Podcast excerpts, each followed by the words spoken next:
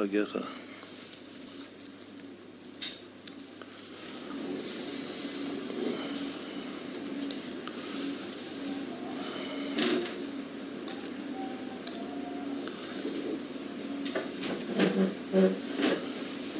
כתוב שהמועד, החג, זה בחינת uh, מקרא קודש, כאילו שבת קודש זה הקודש בעצמו. יש גם יום כיפור שהוא קודש קודשים, שהוא שבת שבתון. יש גם את העבודה של חור, שזה גם עבודה של שמחה, עבדו את השם בשמחה. השמחה התמידית, כמו שמוסבר אצלנו בסוד השם. כתוב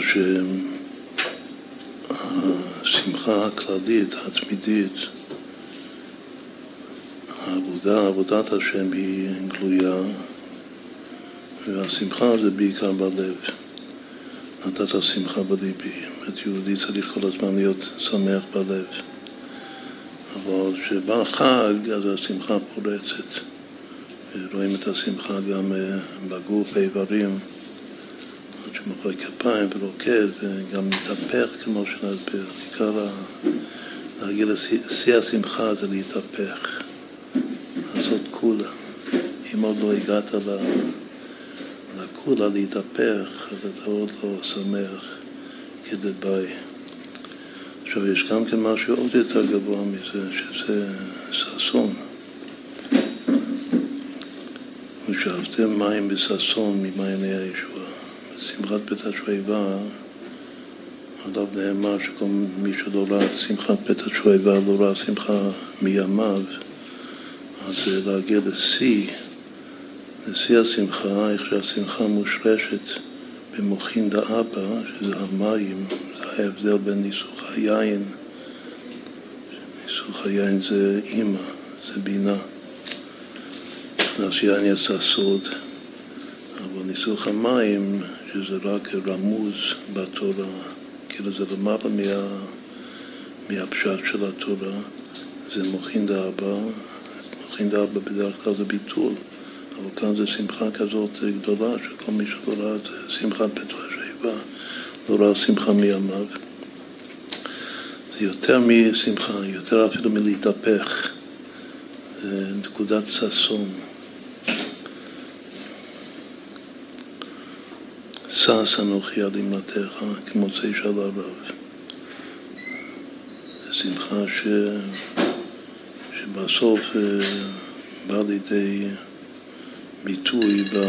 בייחוד עצמו, בשמיני עצרת, בתפילת הגשם. את הששון של שמחת בית השבע זה בעצם מה שממשיך מה"ושאבת מים" בששון מלמטה ממשיך את ההתערות איילת הגשם, שזה מים, שהוא ירד מלמעלה.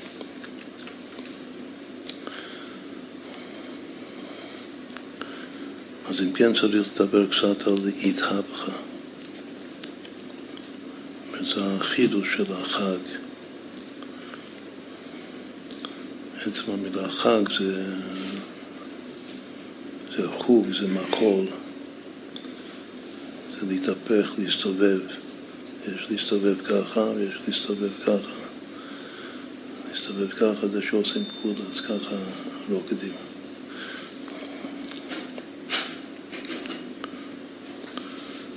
בתניא מקובל שיש שתי עבודות, יש עבודה של התקפיה ועבודה של התהפכה. שעבודה של התקפיה זה עבודה של בינוני, הלוואי בינוני, כלומר שזה זה יעד שכל אחד צריך לשאוף לזה, להגיע ליעד של ההתקפיה דווקא, אבל למעלה מזה יש את העבודה של הצדיק, זה התהפכה. זה שהחג, בכלל העניין של חג זה התהפכה, כמו שנסביר את זה יותר, זאת אומרת שבחג מגיעים למדרגה שבה עמך כולם צדיקים גם בגלוי. אם מתהפכים, סימן של צדיק שעושה כולם. אז אם כולם מגיעים למדרגה הזאת, אז על פי פשט, ואומר כולם צדיקים לעולם ישוע הארץ. ניצר 200, אז הידע להיפתח, הכל, הכל פונקציה של, של התהפכה. אבל יש מי שעדיין לא הגיע למדרגה של, של בינוני אפילו, כמו שגם יוצא בפירוש בספר התניא, שהלוואי בינוני זה, זה מדרגה מיוחדת, שאין הרבה בינוני במציאות בדור. אז במקרה הטוב זה נקרא עכשיו וטוב לו.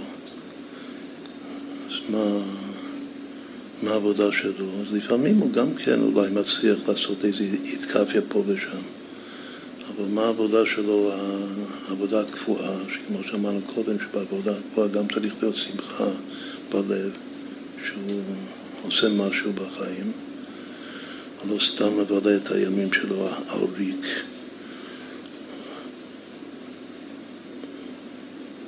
העבודה שלו זה מורה, מורה שמיים, זה קבלת עול מלכות שמיים. יראת המלכות, או יותר, אה, פחות מזה, שבחב"ד לא כל כך אוהבים את, ה, את הביטוי הזה, אבל יראת העונש. צריך להתפלל על שלומה של מלכות, של מעלי מורה, איש את רעהו חיים בלעו. בלי שלומה של מלכות, אז החברה מתפוררת. אין חברה, אין כלום. את הכל חוזר להיות אה, ג'ונגל, כמו שהרבי אמר, שצריך גם גוי, צריך כל יום אה, רגע של שתיקה, להתבונן בזה שהעולם זה לא ג'ונגל. מי, מי שאומר שהעולם לא יהפוך להיות ג'ונגל? רק המורה מלכות. בשביל זה יש מלכות. אז רוב האנשים באמת אה, עושים מה שעושים, כאילו נמנעים מלעשות דברים רעים. לפחות דברים שהחברה תופסת כדברים רעים, בגלל יש פה שוטרים מסתובבים בחוץ. זה עכשיו בחב"ד לא אוהבים כל כך את יראת העונש, אבל ב... בשאר ספרי החסידות, גם הספרים הכי חשובים, כמו פרי הארץ למשל, זה רבי של, של אלתר רבי. אז שמה זה יסוד, מוסד, ש, שאדם קודם כל, אם אין לו יראת עונש, אז אין לו כלום. אז אם כן, יראת עונש באמת זה מימד, מימד חיצוני של יראת מלכות. מה ההבדל לפי החסידות? יראת מלכות זה שיש לו חוש לצייר את המלך שבידיו להחיות ולהמית. אז הוא ירא מפני המלך. היראת עונש זה לא שהוא לא, לא מצייר את המלך, הוא מצייר את הגיהינום. הוא פוחד מגיהינום, הוא לא רוצה לרדת לשאול תחתית. בכל אופן זה המימד החיצוני של, של המלכות. מה זה המימד החיצוני של המלכות? מה שהמלכות של הקדושה, של האצילות יורדת.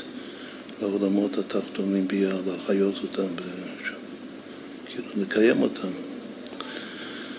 אין מלך ולא עם. אז רוב האנשים בעולם, הלוואי שהוא עם של מלך, עם יראת מלכות או יראת העונש. זה היות שכאן המילה זה מלכות, צריך להתפלל בשלומה של מלכות. מה זה שלומה של מלכות? זה כבר ייחוד. שלום זה ספירת היסוד בקבלה. מחוץ למלכות, צריך להתפלל שבתוך המלכות גופה יאיר שלום. זה דבר גדול מאוד. מדברים על זה שהשלום יתפשט בין עמים, שיעשו שלום. הסכמי שלום, עיקר השלום צריך להיות שלום מיני הווה. זיווג של יסוד ומלכות, שזה נקרא שלומה. של מלכות. אז הם מתפללים כל הזמן. כלומר שמלכות תהיה השראה של, של טוב, של חסדים, שבסוף המלכות תהיה צינור להעביר את חסדי דוד הנאמנים לתוך, לתוך העולמות התחתונים. בכל אופן, בלי המלכות, אז איש את רעהו חיים בלעו. עכשיו, כל זה זה הקדמה בשביל להבין את המבנה כאן, הפנימי הקבלי שלנו, אומרת, אם, אם, אדם ש, שעושה מה שצריך לעשות ונמנע ממה שלא צריך לעשות בגלל מוראה של מלכות, זה, זה לא יתקע, הוא לא עושה התקפיה, הוא רק פוחד. אז מה זה התקפיה? העבודה של בינוני. העבודה הזאת, שיראת התאה הזאת, זה עבודה של רשע וטוב לו. מסבירים לפי התניא שהרשע וטוב לו זה עולם העשייה. והבינוני זה כבר עולם היצירה. ועולם הבריאה זה צדיק שאינו גמור, ועולם האצילות זה כבר צדיק גמור. זה ההסבר הרגיל בחסידות המדרגות. בעולם העשייה, שזה המייס והעיקר, אנחנו כאן בעולם העשייה, אף עשיתי ויש הפסק גמור בין העשייה לבין העולמות שמעליו. אז פה מה שמחזיק אותו בעיקר זה מאורע מלכות. איפה זה העבודה של התקפי? מה זה התקפי? התקפי זה, המשכת מוחין במידות, בלב. שהמוח, התקפי, כמו שהוא מביא בתניא, מהזוהר הקדוש, זה מוח שליט על הלב. מה זה מוח שליט על הלב? להמשיך מוחין במידות.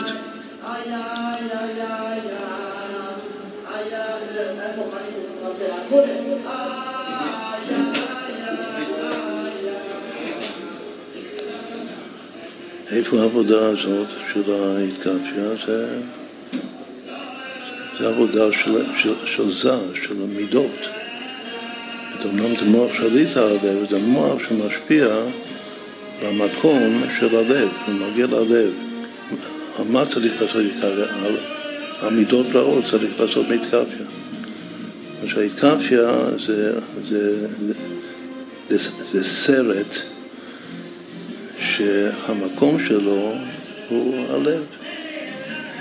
הלב עם התאוות והכעסים וההתפארות וכל המידות, שם זה העולם של ה... שצריך לעשות שם התקפיה. שזה עולם היצירה.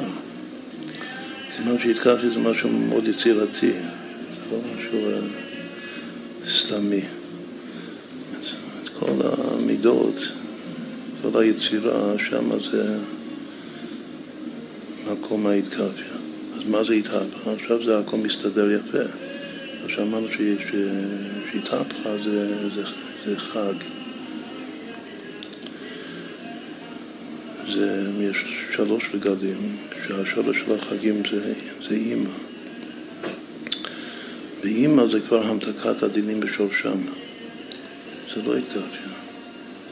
זה כבר מתחיל להיות צדיק, זה צדיק שאינו גמור.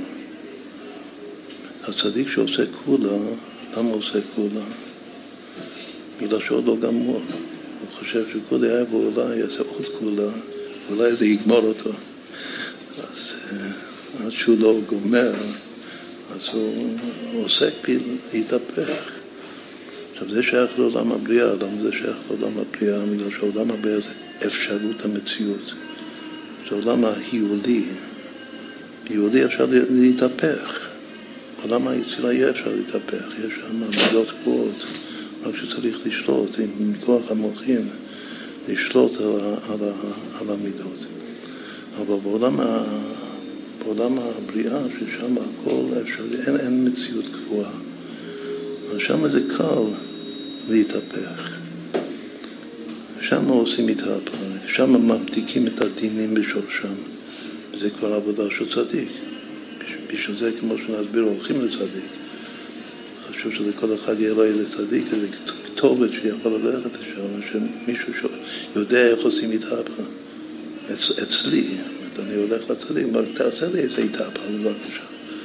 תהפוך משהו אצלי.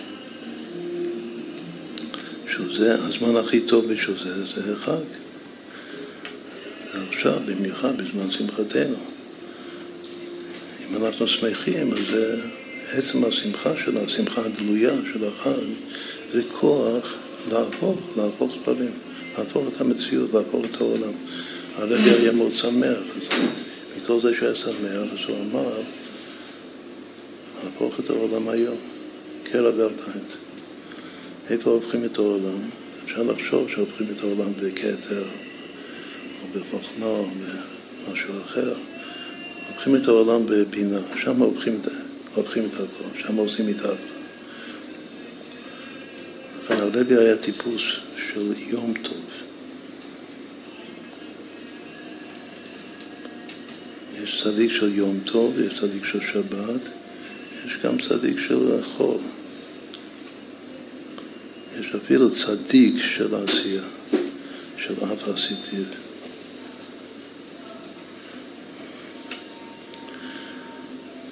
כמו לב אושר,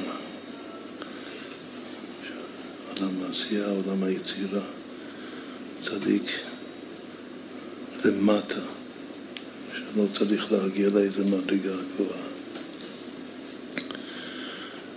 בכל אופן, עכשיו זה, זה חג, וחג זה התהפכה, אבל יש למעלה מזה, יש שבת, שבת זה אצילות, שבת זה צדיק גמור.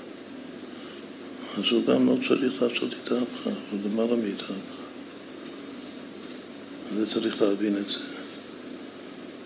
באצילות אתה אין לך מה להמתיק דינים, אין שם דינים.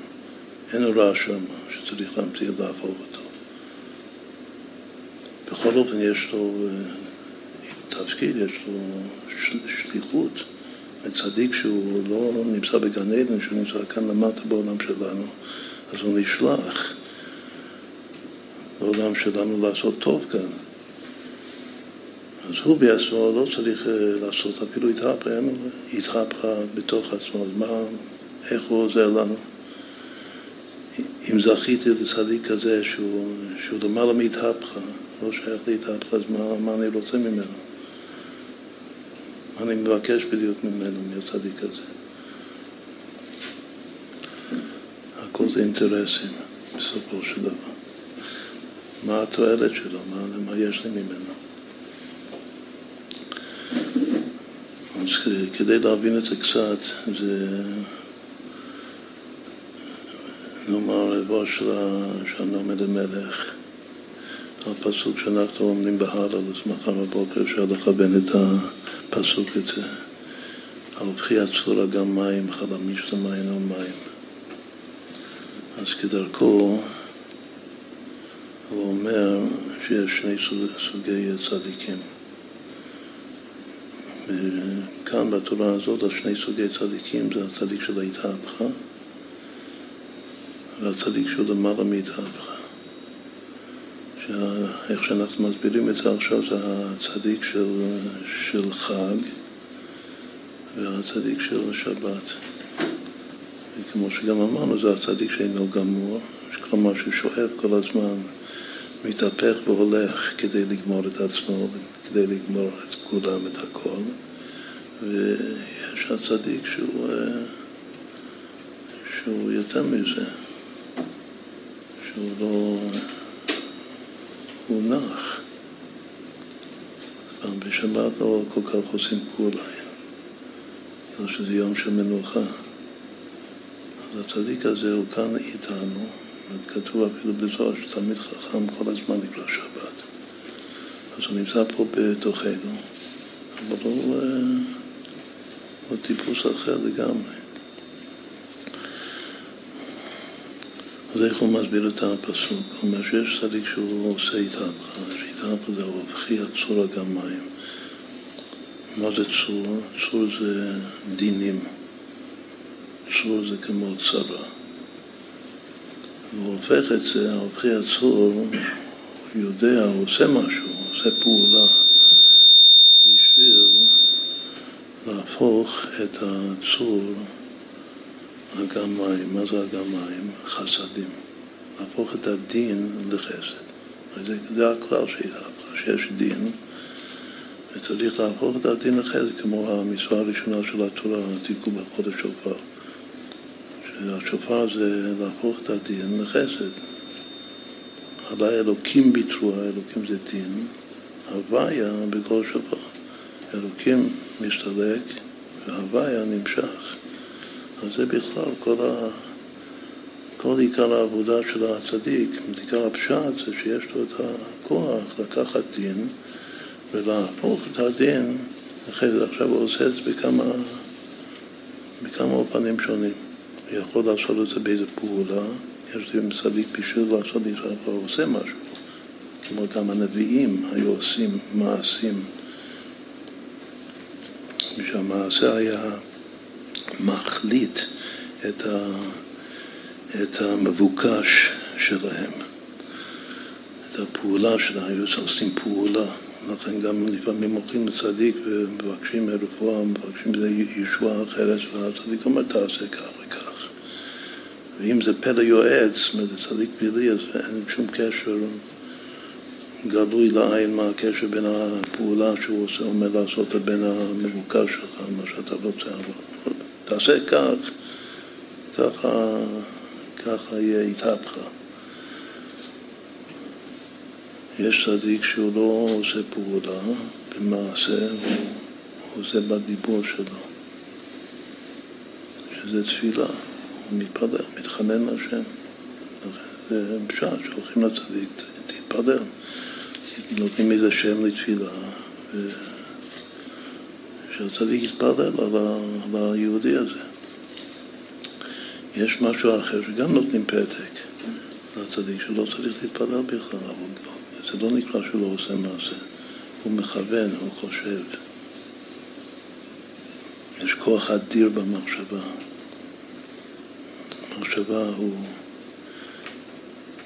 תקיף ביותר, הרצון מתלבש בתוך המחשבה, והמחשבה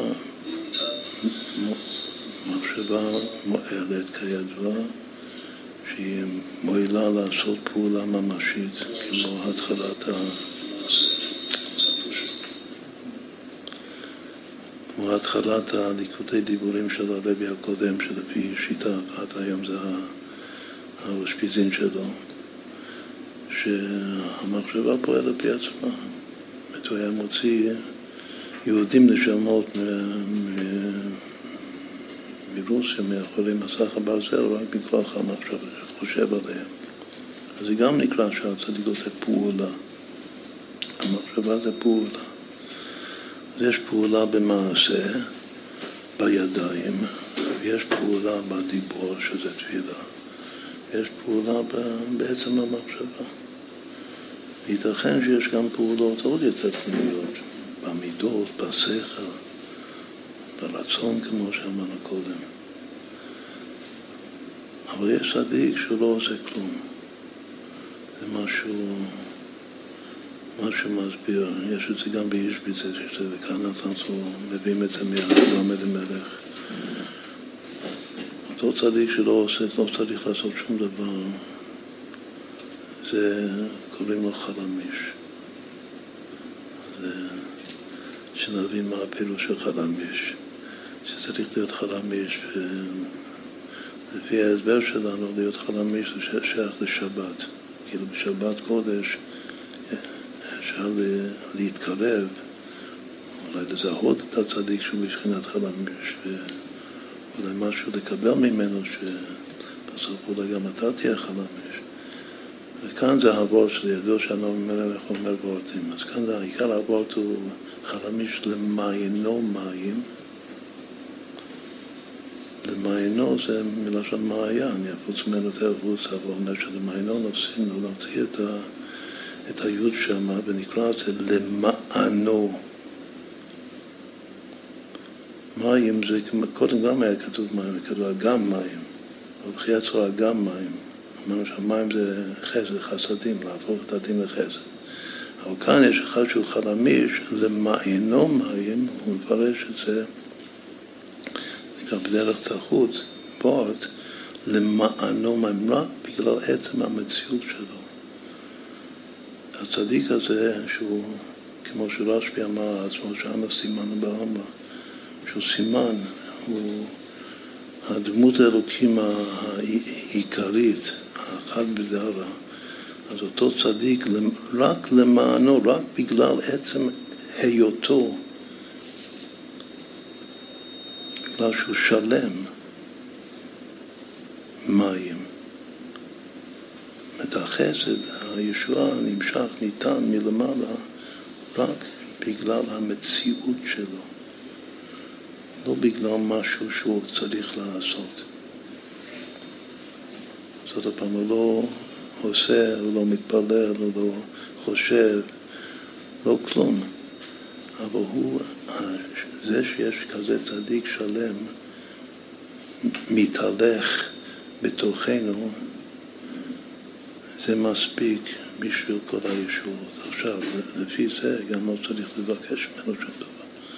אז הוא נמצא והוא פועל את ה... כאילו השלמות שלו פועלת בדרך ממילא את כל הישועות, ואתה אפילו, אתה לא מודע לזה בכלל. אבל ייתכן גם שאחד שהוא זקוק לישועה, זה טוב שיהיה כן מודע שיש כזה צדיק, ואם הוא מתקשר לכזה צדיק, זה ודאי סגולה בשבילו שהוא יקבל ממנו את, ה, את הישועה בזכות זה שהוא מחובר אליו, כמו שנסביר יותר מה זה נקרא להיות מחובר. אם הוא מחובר לטהור, אז גם הוא מקבל קצת מהטהרה הזאת, וממילא הדבר, הדברים הולכים והחולה מתרפא וכולו וכולו בדרך ממילא.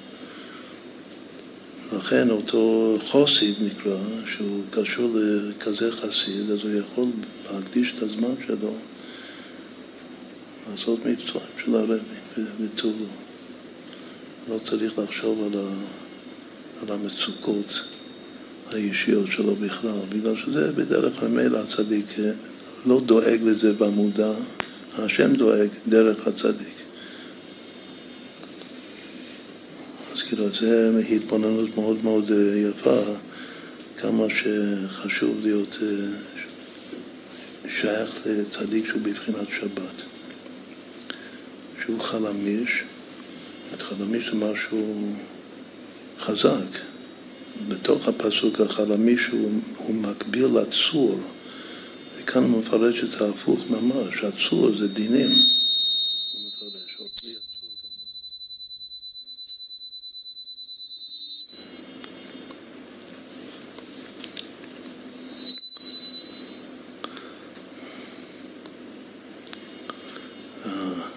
עצור זה לשון דין, אבל החלמיש זה אחד שהוא שלם בעצם, כמו שבת, ואין לו שום עבודה של ההופכי, לא צריך להפוך שום דבר.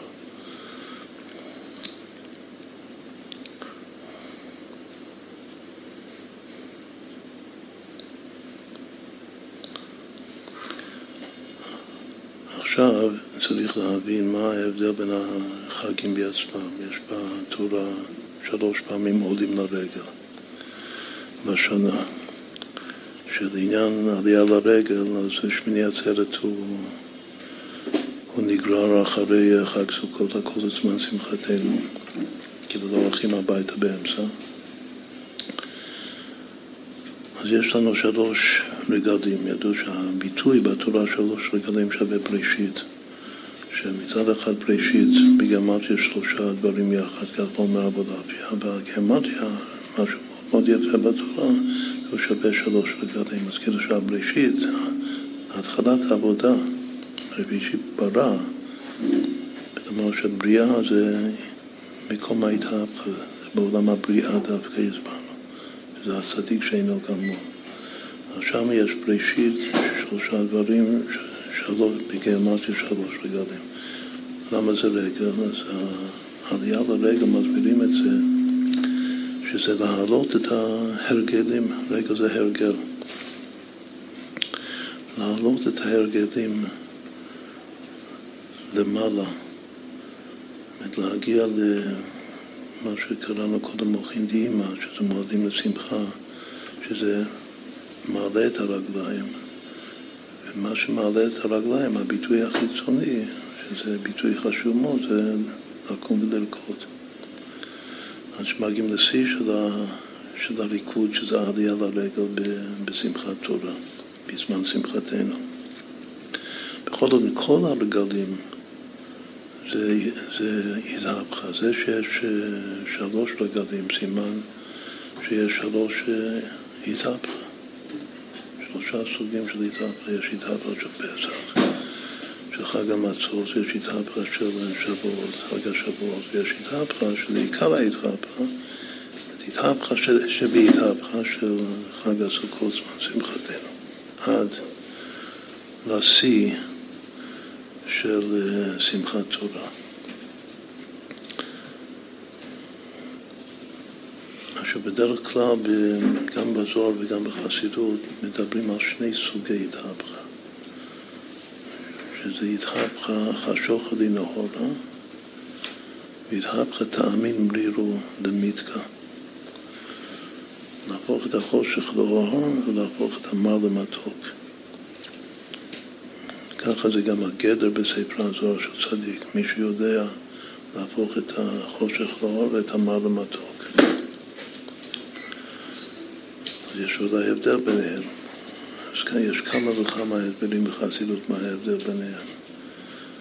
אחד, שזה רבי לא מסביר את זה בדרושי פורים דווקא, זה למדנו את זה לא מזמן, שלהפוך את החושך לאור זה, קליפ, זה קליפת נוגה, אבל להפוך את המר למתוק זה גיל הקליפות הטמעות לגמרי, כלומר שזה הרבה יותר עוצמתי היכולת של הצדיק להפוך את המר למתוק מאשר להפוך את החושך לאור.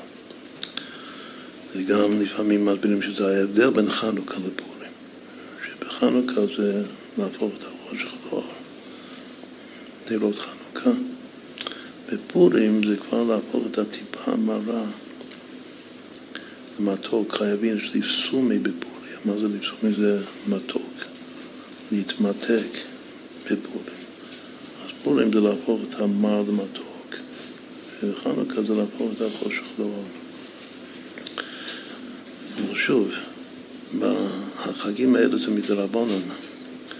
השורש צריך להיות בתורה, ובתורה יש שלושה... שלוש רגלים. צריך להיות עוד אה, להפוך, עוד דבר, חוץ מאשר חושך לאור ומר למתוק בחיים.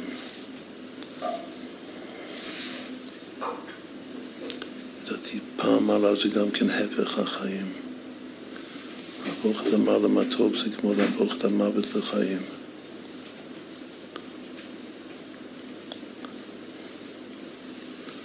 תחיית המתים.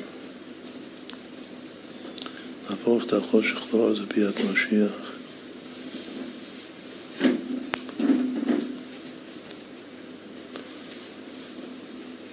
מה עוד יש?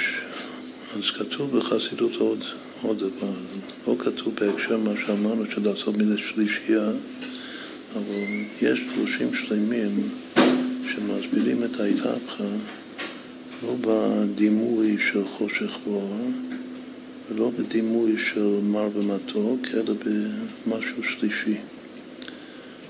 ואפשר לקחת את הדרוש, הוורט הזה, ולהשלים את, את התמונה שאנחנו עכשיו בונים, שיש שלוש דרגות. כל דבר צריך להיות דרי דינים, לא רק צווי דינים. שלוש דרגות, שלוש בחינות של התהפכה. ואז אפשר לכוון את זה כנגד החגים. ואז נראה שהדבר השלישי הזה, ההתהפכה השלישית, זה חג הסוכות. מה שההתהפכה הראשונה של להפוך את החושך לאור זה בפסח. להפוך המר למתוק זה בשבועות, במתן תורה. אבל יש עוד התהפכה שהוא שייך עכשיו לנו בימים האלה. והסוגיה הזאת זה נקרא להפוך את השנאה לאהבה. עכשיו, כשמדברים על, אה, על תכליס, כאילו מה שנוגע לנו באמת, זה נשמע הרבה יותר חשוב משני הדברים הקודמים אפילו. אנשים מלאים שנאה. שנאה זה מידה רעה מאוד. הגדר של הצדיק הגמור בתניא כתוב שהוא שונא את הרב בתכלית, השנאה והמיוס, זאת אומרת ששנאה ומיוס זה אותו עניין, זה עניין אותו צדיק גמור. זה לוקחים דבר שהוא מידה רעה בעצם, ורואים איך, איך הוא גם מופיע בסטרא דקדושה. אבל בכל אופן זה חשוב ביותר לדעת ששנאה, איזה רגש השנאה, שאני שונא משהו, זה, זה רגש שלילי. אף על פי שכתוב את הדבר הזה שצדיק שונא את הרע, זה לא המצאה של, של התניא, זה הפסוק אומר, אוהבי השם שנאו רע. זה בדיוק הפסוק של התניא, אומר שהצדיק שאוהב את השם בתחתית, אז הביטוי של זה שהוא שונא את הרע בתחתית. אז ככה צריך להיות כל הזמן. רק לגבי הנקודה הזאת, שזה לא עיקר הנקודה, זה כן מאמר מוזכר, ששנאת הרע, אז זה ודאי אה, דבר שהוא קיים כל זמן שיש רע במציאות. אבל כאשר יקוים הייעוד של ואת רוח הטומאה ומן הארץ, אז אין יותר רע, אז אין יותר מה לשנוא. אז אין יותר שנאת הרע. לזה צריך לשאוף. כאילו, מה אני רוצה בחיים? אני רוצה... מבקש מהשם תעזור לי לשנוא את הרע, או שאני אבקש מהשם תסלק את הרע מכאן, שלא יהיה רע יותר. אז מילא לא צריך לשנוא את הרע. ומילא הרגש הזה של שנאה, אפשר להפוך אותו לאהבה. מה באמת השאיפה שלי? הייתי רוצה לאהוב את כולם. זה בדיוק גם כן המסר של הדור שלנו. הדור, הדור עם כל הטעויות והסטיות שיש בדור שלנו, זה בגלל שיש איזה רגש, רגש בסיסי, שמיסודו הוא טוב מאוד, הוא משהו משיחי, שלא צריך, לא צריך לשנוא שום דבר, צריך לאהוב את כולם, הכל רק לאהוב, רק אהבה, התהפכה. כל השנאות שלך. מה, למה אתה שונא משהו? הייתה לך טראומה בילדות. בגלל הטראומה שלך אתה שונא משהו בחיים. וכל מיני הסברים כאין זה, שלא שבאנו להצדיק את ההסברים האלה, רק שזה סממן מאוד מאוד חשוב של הדור, והדור שלנו זה תהליך לקראת משיח, ש... פעם זה לא היה נורא לשנוא. כמו שאמרנו, שצריך, יש, יש רגע שצריך לשנוא וצריך לאהוב. אבל היום, בתרבות של היום, לא אוהבים לשנוא. כנראה שכל כך שונאים בין עמים שיש, שיש תחרות, יש עימות, אז זה לא שאין שנאה בעולם, יש אולי יותר שנאה, אבל בראש, הרי כל העולם שלנו זה שטיפת מוח, בראש זה מקובל שהדבר הכי גרוע זה לשנוא, לא צריך לשנוא שום דבר, רק לאהוב. עכשיו יש בזה, זה אמת, זה נכון. עכשיו בשביל זה צריך להיות זמן מסוגל להפוך את השנאה, את כל השנאה, כל המטען של שנאה, כל מילה זה אנרגיה, זה כוח, להפוך את המטען הזה לאהבה. וזה שייך לזמן שמחתנו. ולסוכה כתוב שרואים כל ישראל ישב בסוכה אחת, איך כולם ייכנסו לסוכה אחת. בסדר, אז אומרים, בונים סוכה גדולה, שתכיל את כולם. אבל השאלה איך, איך שני היהודים האלה נכנסים ביחד. אז זה... איזהבך אמרנו שאיזהבך זה, זה בינה, אבל צריך להיות טרן נעים דלא מפרשים לעלמין. חייב להיות נקודת פיתול. והנקודת פיתול באה לידי ביטוי בעיקר בהתהפכה הזאת של להפוך את השנאה לאהבה. אם אתה לא בטל, אתה לא תהפוך את השנאה שלך למישהו לאהבה. עכשיו, זמן שמחתנו זה הזמן היותר מפסח ושבועות שקמים ורוקדים ומתחבקים, אלא אם כן פוחדים מהמשטרה. אבל הזמן שלא, ש, ש, שאוהבים זה סוכת, תפרוס עלינו סוכת שלומך. מה שהחג הזה זה חג של להפוך את כל השנאות לאהבה. הגלות נקראת חושך, כמו בברית בין הבתרים אצל אברהם אבינו, שהשם דימה את כל הגלויות החל מגלות מצרים וחושך אבילה. לצאת מהגלות לצאת מהחושך לאור. העם הולכים בחושך רע. פתאום ראו אור גדול. לכן גאולה, גאולת מצרים, שכל הגאולות זה על שם גאולת מצרים, זה התחושה בנפש, זה שיצאתי מהחושך לאור. לפני מתן תורה היינו במקום שנקרא מראה. זה ההכנה, ההקדמה למתן תורה. מה היה שם? זה פעם אחת בתורה שכתוב במילה מתוק, וימתקו המים, שם היו מים מרים. ומשה לקח עץ שהוא מר, הוא עשה פעולה של מה שאנחנו קוראים הומופתיה, שיטת הומופתיה, רפואת דומה בדומה, והשליך את העץ המר לתוך המים וימתקו המים. וזה הרקע, בתהפיכת המר למתוק, זה הכוח והרקע למתן תורה, בגלל שזה הכוח של התורה. כי הם חיינו, ואמרנו שמר למתוק זה כמו ממוות לחיים.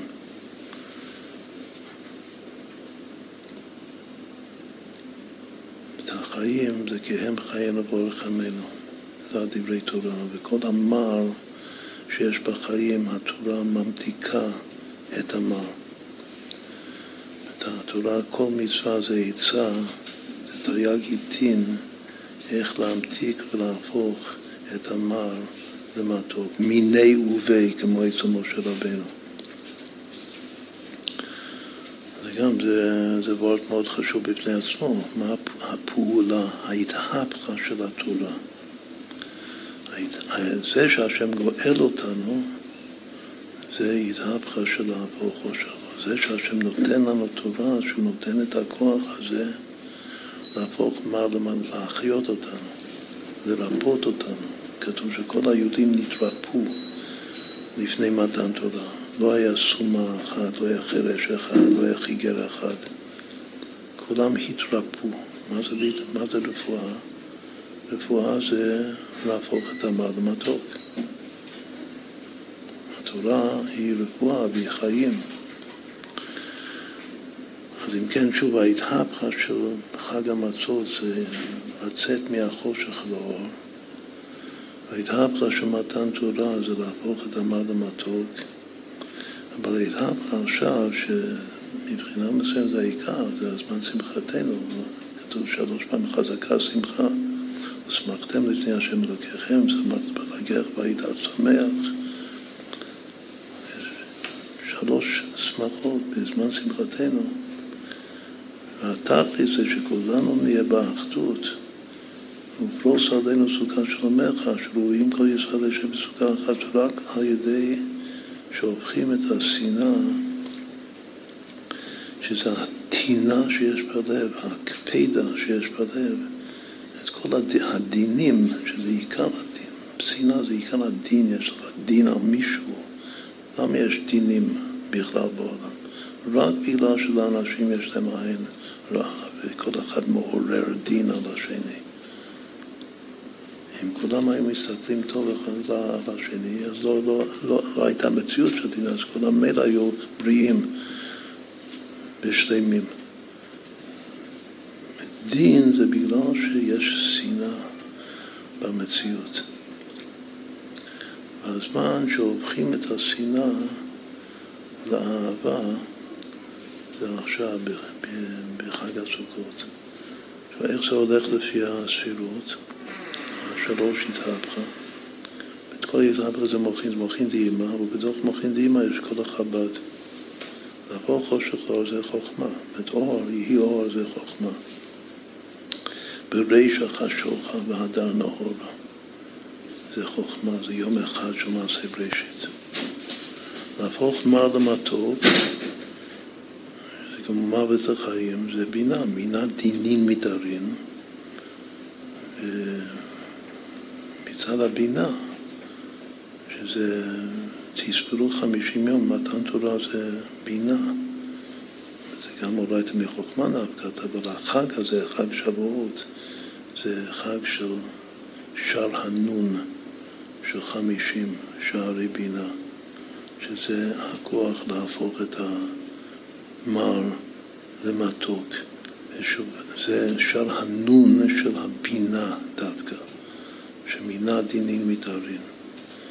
אז לפי זה, מה זה, מה זה חג, חג סוכות עכשיו? חג סוכות זה למען ידעו דורותיכם, כי בסוכות הושבתי את בני ישראל והוציא אותם מארץ מצרים. כתוב בפירוש שסוכות זה החג של הדעת. לכן בכזית הראשון שאוכלים בלילה הראשון בסוכה צריך אפילו לעיכוב ולהלכה לכוון לדעת לקיים את הפסוק למען ידעו דורותיכם. לדעת שזה זכר לענני הכבוד, הסוכה. ענני הכבוד זה בזכות אהרון, שהוא עושה שלום, אוהב שלום ורודף שלום. אוהב את הבריות, מקבל לתורה, זה, זה העניין של, של סוכות. הופך את הסינות, מה, הוא עושה שלום בין, בין אה, אדם לחברו, בין איש לאשתו. איך הוא עושה שלום? יש, יש מטענים של, של טינה ושנאה, הופך. אהרון זה הכוח להפוך את זה, את השנאה לאהבה. משה, הוא הופך את המר למתוק, יכול להיות שגם הופך את החושך לאור. העיקר מי שהופך את השנאה לאהבה זה אהרון, שהיום היה האושפיזין שלו. עכשיו אנחנו נכנסים לאושפיזין של יוסף הצדיק. בכל אופן, זה, זה דרוש מאוד מאוד חשוב של שלוש ההתהפכות כנגד, כשזה כנגד חב"ד גופה, זה חב"ד שבמוחין דאימא, ששם ההתהפכה בכלל. וסוכות זה התכלס, זה הדעת. עכשיו, כידוע אצלנו שאם המבנה הוא מוצלח ושלם, אז, אז זה בא לידי ביטוי ברמזים יפים. וגם כאן זה מאוד, מאוד יפה, נעשה ביחד. יש, יוצא שיש שלוש, שלושה זוגות של מושגים, לפי מה שדרשנו עכשיו. יש אור חושך, מר מתוק, שנאה אהבה. אז נחשב את, את כל השישייה הזאת, שלושת הזוגות ביחד. שאור חושך זה זוג של, של חוכמה, ומה מתוק זה זוג של בינה. ושנאה אהבה זה זוג של דעת.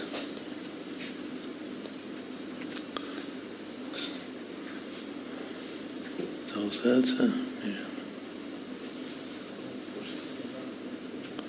אור חושך מר מתוק, שנאה אהבה.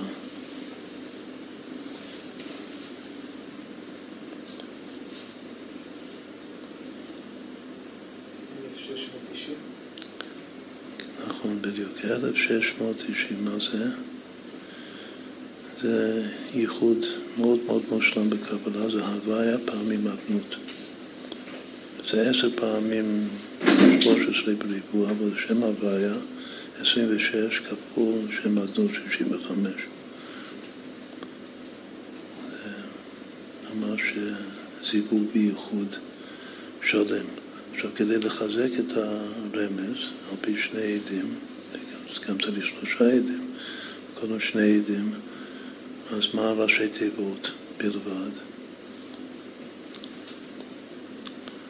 אור חושך, מר מתוק, אהבה שנאה.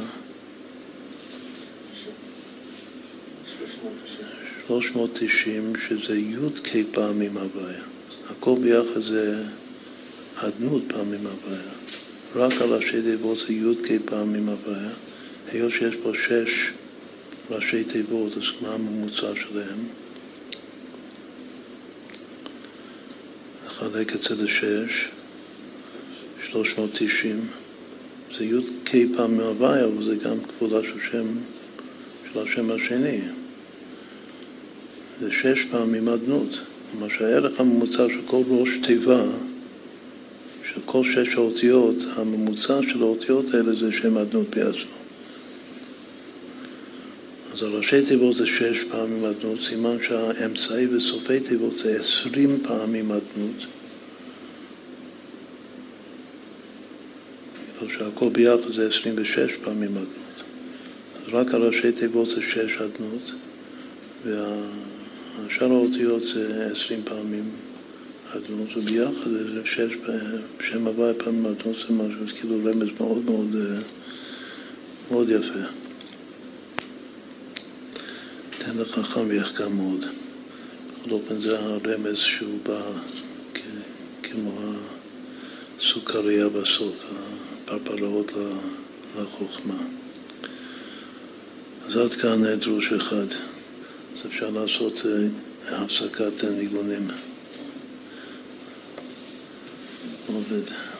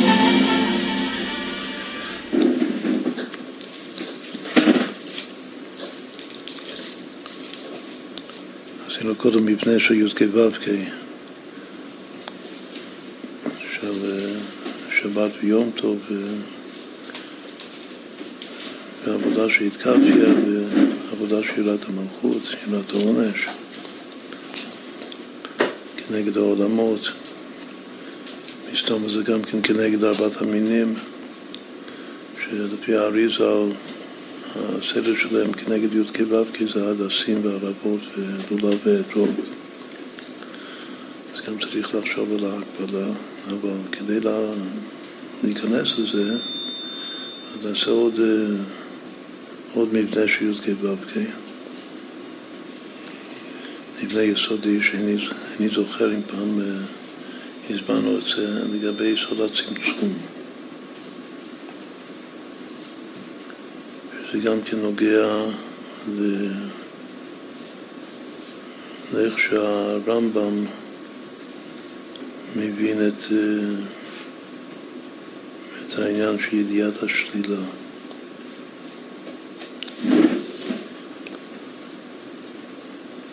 בעצם מה, שהרמב״ם טוען שיש אפשר להבין את השם בכלל בדרך חיוב, אי אפשר לומר עליו שום תואר. אפילו תוארים מאוד מאוד אה, עצמיים כמו שהוא היה אחד. זה גם כן, זה לא פשוט.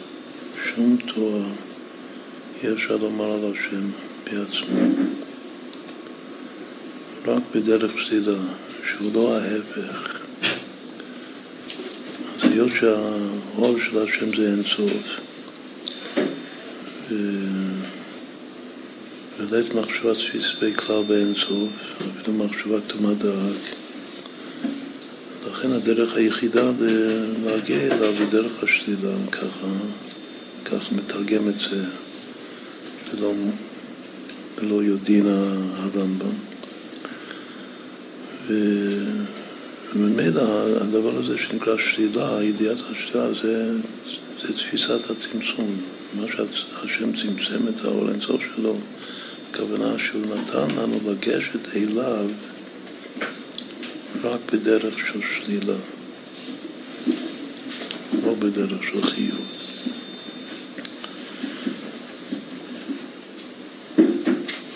עכשיו, לגבי הצמצום, המחלוקת הידועה בין המקובלים זה אם הצמצום כפשוטו או לא כפשוטו.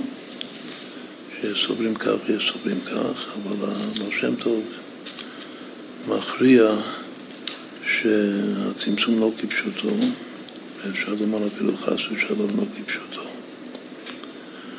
כלומר שהסילוק לצדדים, שזה התיאור של הצמצום בלשון האריזה, זה לא, לא כפשוטו שהאור באמת יסתדק, רק שהוא יתעלם מיני הווה. האלתרעב מסביר את זה בתניא, שאתה לא יכול לדבר על השם במונחים של, של גשמיוס. ככה לצייר שיש סילוק, זה, זה בעצמו הגשמה שחס ושלום אי אפשר לומר לצבא הקודש ברוך הוא. כך הוא מסביר בשער הייחוד והאמונה. את כל מי שמאמין בשם כדבעי. אלא מה, זה שיכול להעלים, כמו שגם שאלנו קודם את השיר, אכן אתה כאן מסתתר, להסתתר מאיתנו, זה כן, זה יכול להיות. בכל אופן, השם בורא את העולם שאי אפשר לגשת אליו רק בדרך של שלילה, אומרת, לשלול את עצמנו. מה זה שלילה? שכל מה שאנחנו יודעים וכל מה שאנחנו יכולים לחשוב, לדמיין, את כל זה צריך לשלול. כלומר, אני לא יכול לדמות שום דבר שיש לי שזה דומה וזה שייך לקודש ברוך הוא. אז בעצם הידיעה הזאת, ידיעת השלילה, זה ביטול מוחלט. לבטל את המציאות שלי, כל מה שאני יכול לחשוב על עצמי, על העולם בכלל, אבל בעיקר על עצמי, חייבים לשלול את זה, אז זה להתבטל. אז רואים שה... הרמב"ם הוא שואף לעין, לעין מוחלט, עין מזל לישראל. הרמב"ם חושב שהצמצום כפשוטו לא, אם הרמב"ם היה חושב שהצמצום כפשוטו, אז היינו נשארים רק בריק. כלומר שבאמת אין שום שום קשר וזיקה וגשר כלל וכלל בינינו לבין בוראנו. אבל זה לא ככה משתמע, זה גם כן מאוד מאוד קשה לדמיין ככה, שאנחנו מנותקים בנתק מוחלט מהשם רחמנא ליצלן, לומר כאלה מילים. בכל אופן, מה כן? זה ברור שאצל הרמב"ם, השם ברא אותם, ברא את העולם, ברא אותנו. בצורה כזאת שמצידנו, ככה גם מוזמן בחסידות, מצידנו מתקבל שהצמצום כן כפשוטו. לפי התניא שאמרנו קודם שער איכות ואמונה, משמע שבאמת מי שמאמין בהשם, אז זה לא ייתכן בכלל צמצום כפשוטו.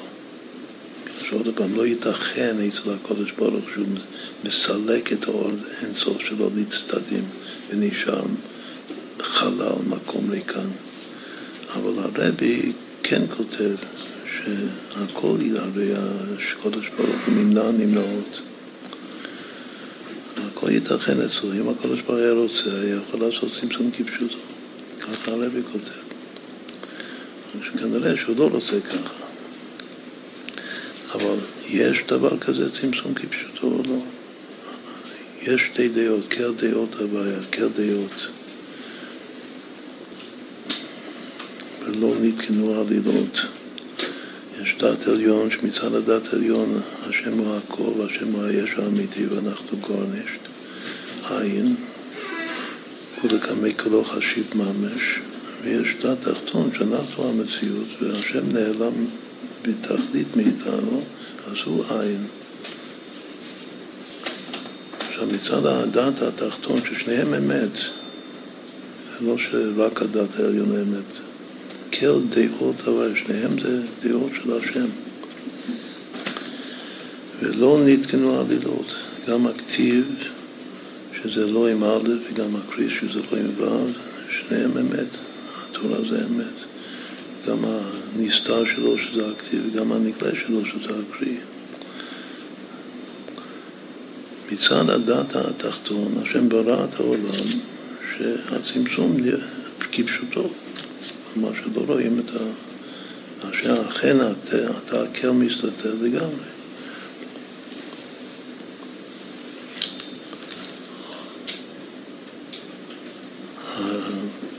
הדעה הזאת, או המדרגה הזאת, זה מקביל למה שקודם הסברנו, אף הסיטיב, שהווי מתפלל בשלומה של החוץ, שאין לצפות מהבן אדם שום אה, עבודה פנימית, אפילו לא התקפיה, רק ש... רק שישמור את החוקים, את חוקי המדינה, בגלל מורא מלכות ותו לא. יש חלל, יש פער, יש באמת נתק בין, ה, בין העליון לבין התחתון. זה היתתה של שם השם. עכשיו, יש, אסור לקצץ בנטיות, אסור להפריד את המדרגה הזאת מהמדרגות העליונות ממנו, שזה מדרגות הפוכות ממנו. אסור להפריד ביניהם, זה כל הסוד זה, סוד השם לראייה. ובריתו להודיעם. גם היתתה הוא חלק מה, מהשם אחד. ולגבי סוד הצמצום, אז ההיטתה הוא שלנו, בדת התחתון שלנו, שהוא גם אמת, מתקבל אצלנו צמצום.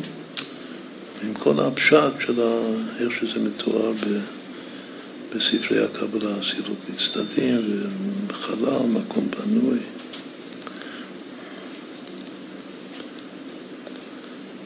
מה יותר מזה? יותר מזה ש... שיש רשימו, שהשם השאיר רשימו. זה כן כתוב בספרים, בספרי הקבלה. הרשימו זה אור שלא נגע בו הצמצום, זה הביטוי. משהו, הכל, עדיין זה אותו ציר שהשם כאילו מסלק את האור, אבל משהו, משהו נשאר. משהו קטן נשאר.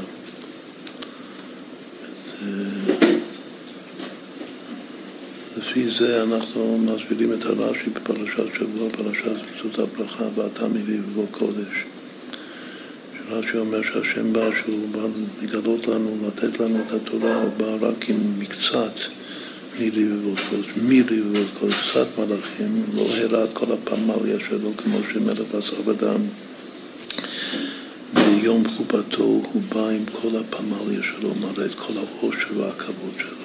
לא ככה הקודש ברוך הוא, הוא רק בא עם קצת ביריבות שלו. יש עוד מפרשים כמו החיים הקדוש, שמסבירים שהמם של מריבות קודש זה מם אחר שהוא עזב אותם בכלל, אין, אין ניזור, הוא בא לבד. שהוא בא לתת לנו תורה, בא בלי אף אחד, בלי שום דבר. בגפו. אם השם בא לבד, כלומר שהוא עזב, מה זה המלאכים שלו, הריבות קודש? זה האור אינסוף שלו. את העצמות והאור אינסוף לא אותו הדבר. לפני הצמצום, כל הפמליה זה האור אינסוף. ו... ואם הוא, כדי לתת לנו תורה, הוא היה צריך לצמצם את האור אינסוף. אז הוא, ואתה הוא בא מלבבות קודש בלי, בלי אף אחד, רק לבד. מה זה עשו לצמצום? ודווקא נעול סופם בתחילתן. הכי למטה זה שיש, כאילו מצידו יש צמצום.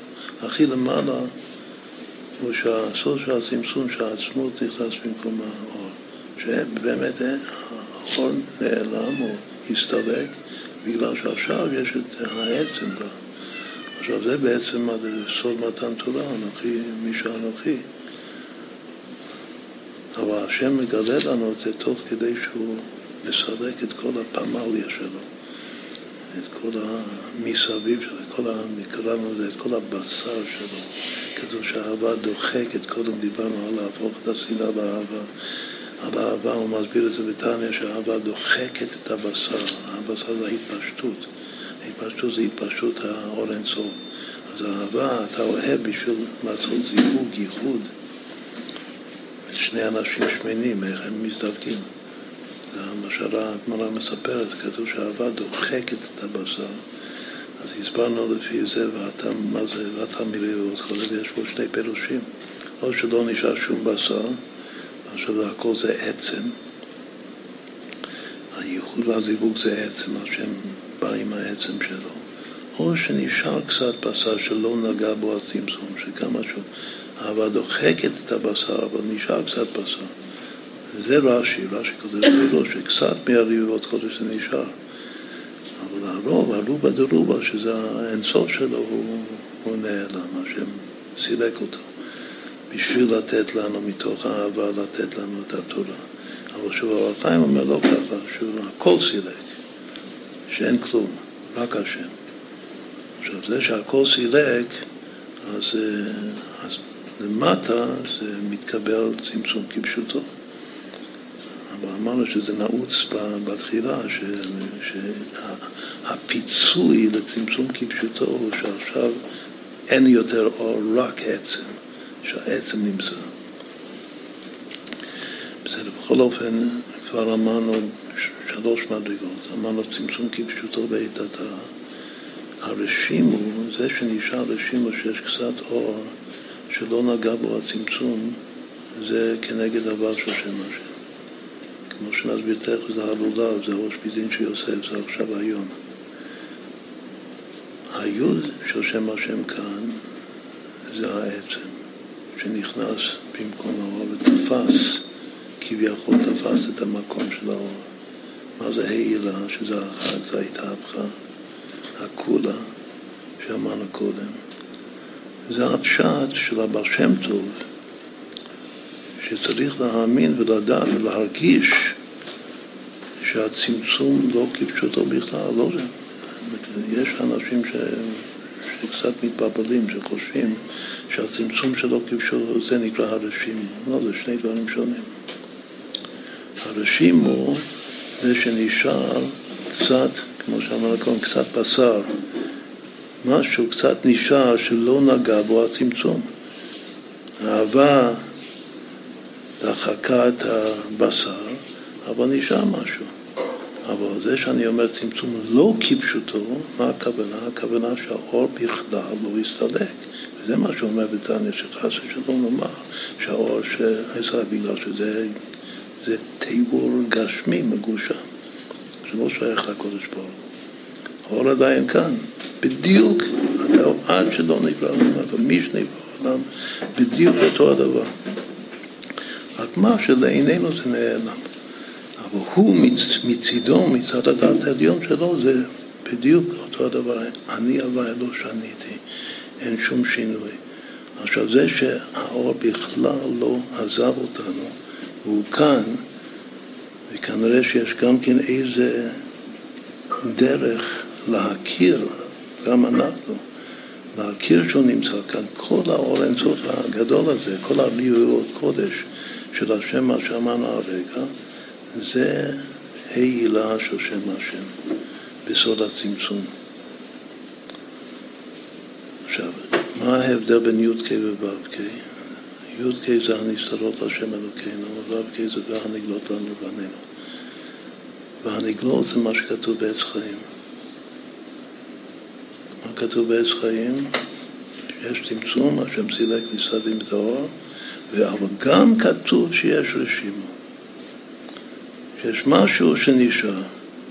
יש איזה ריח, כמו שהיה יין מבוסם מתוך אה, כלי, ושפכו את היין, אבל נשאר ריח.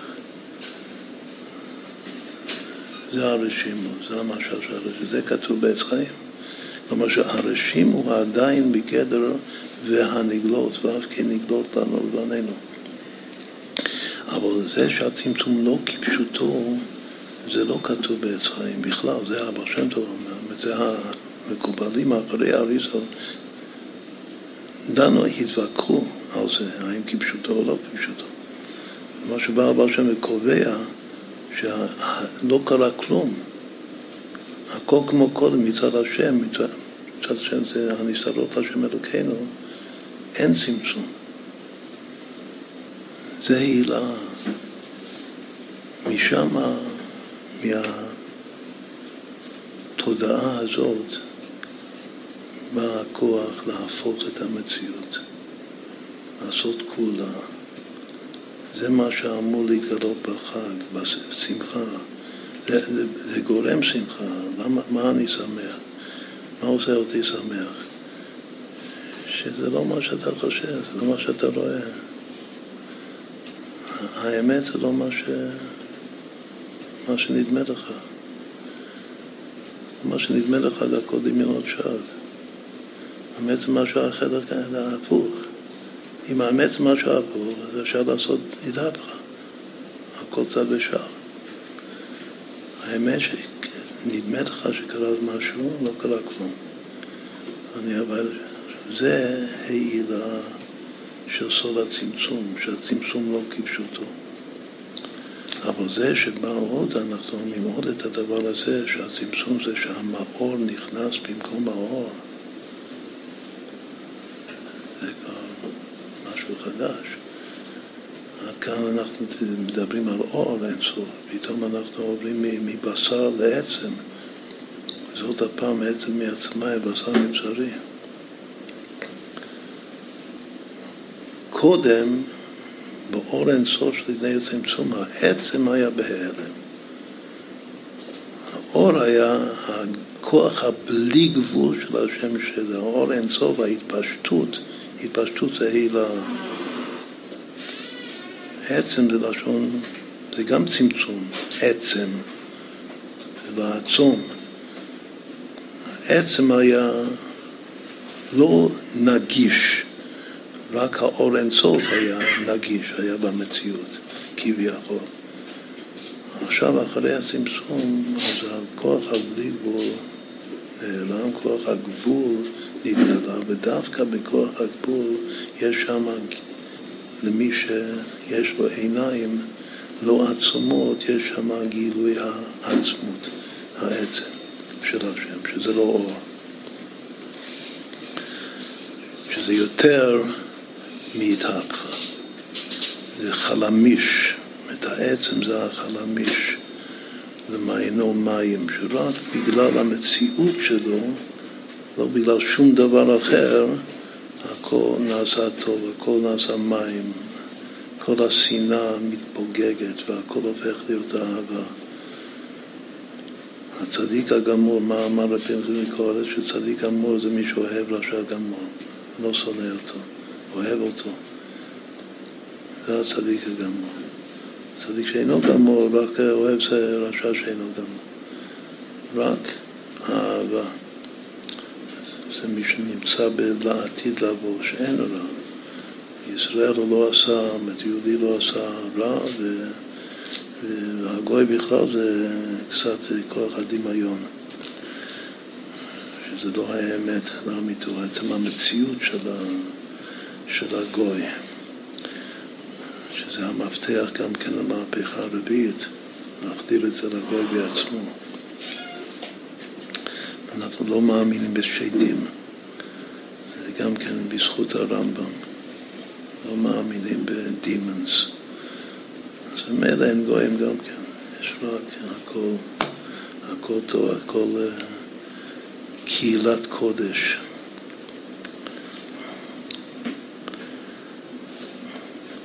בסדר, אם כן, עכשיו, עכשיו עשינו מבנה מאוד אה, חשוב, יסודי של, אה, של ארבע מדרגות בצמצום כאשר היוד, אז זה עצם מתקשר דווקא למדרגה האחרונה, שזה כאילו הצמצום כפשוטו. זה מה, זה ועוד ש... מה שאמרנו עכשיו זה בעצם מה שהרבי אמר. זה החידוש שהצמצום כפשוטו ייתכן. ההיתכנות הזאת זה מצד העצם. ובגלל שהקוד שעצם סוד הצמצום הוא שהעצם בעצמו נכנס ותפס את המקום של האור.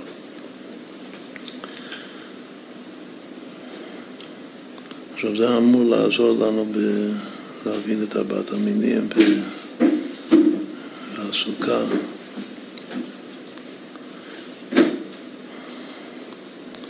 אז נעבור לפסוק בתהילים.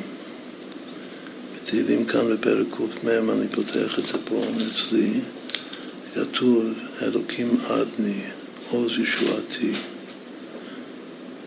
סקותה לראשי ביום נשק.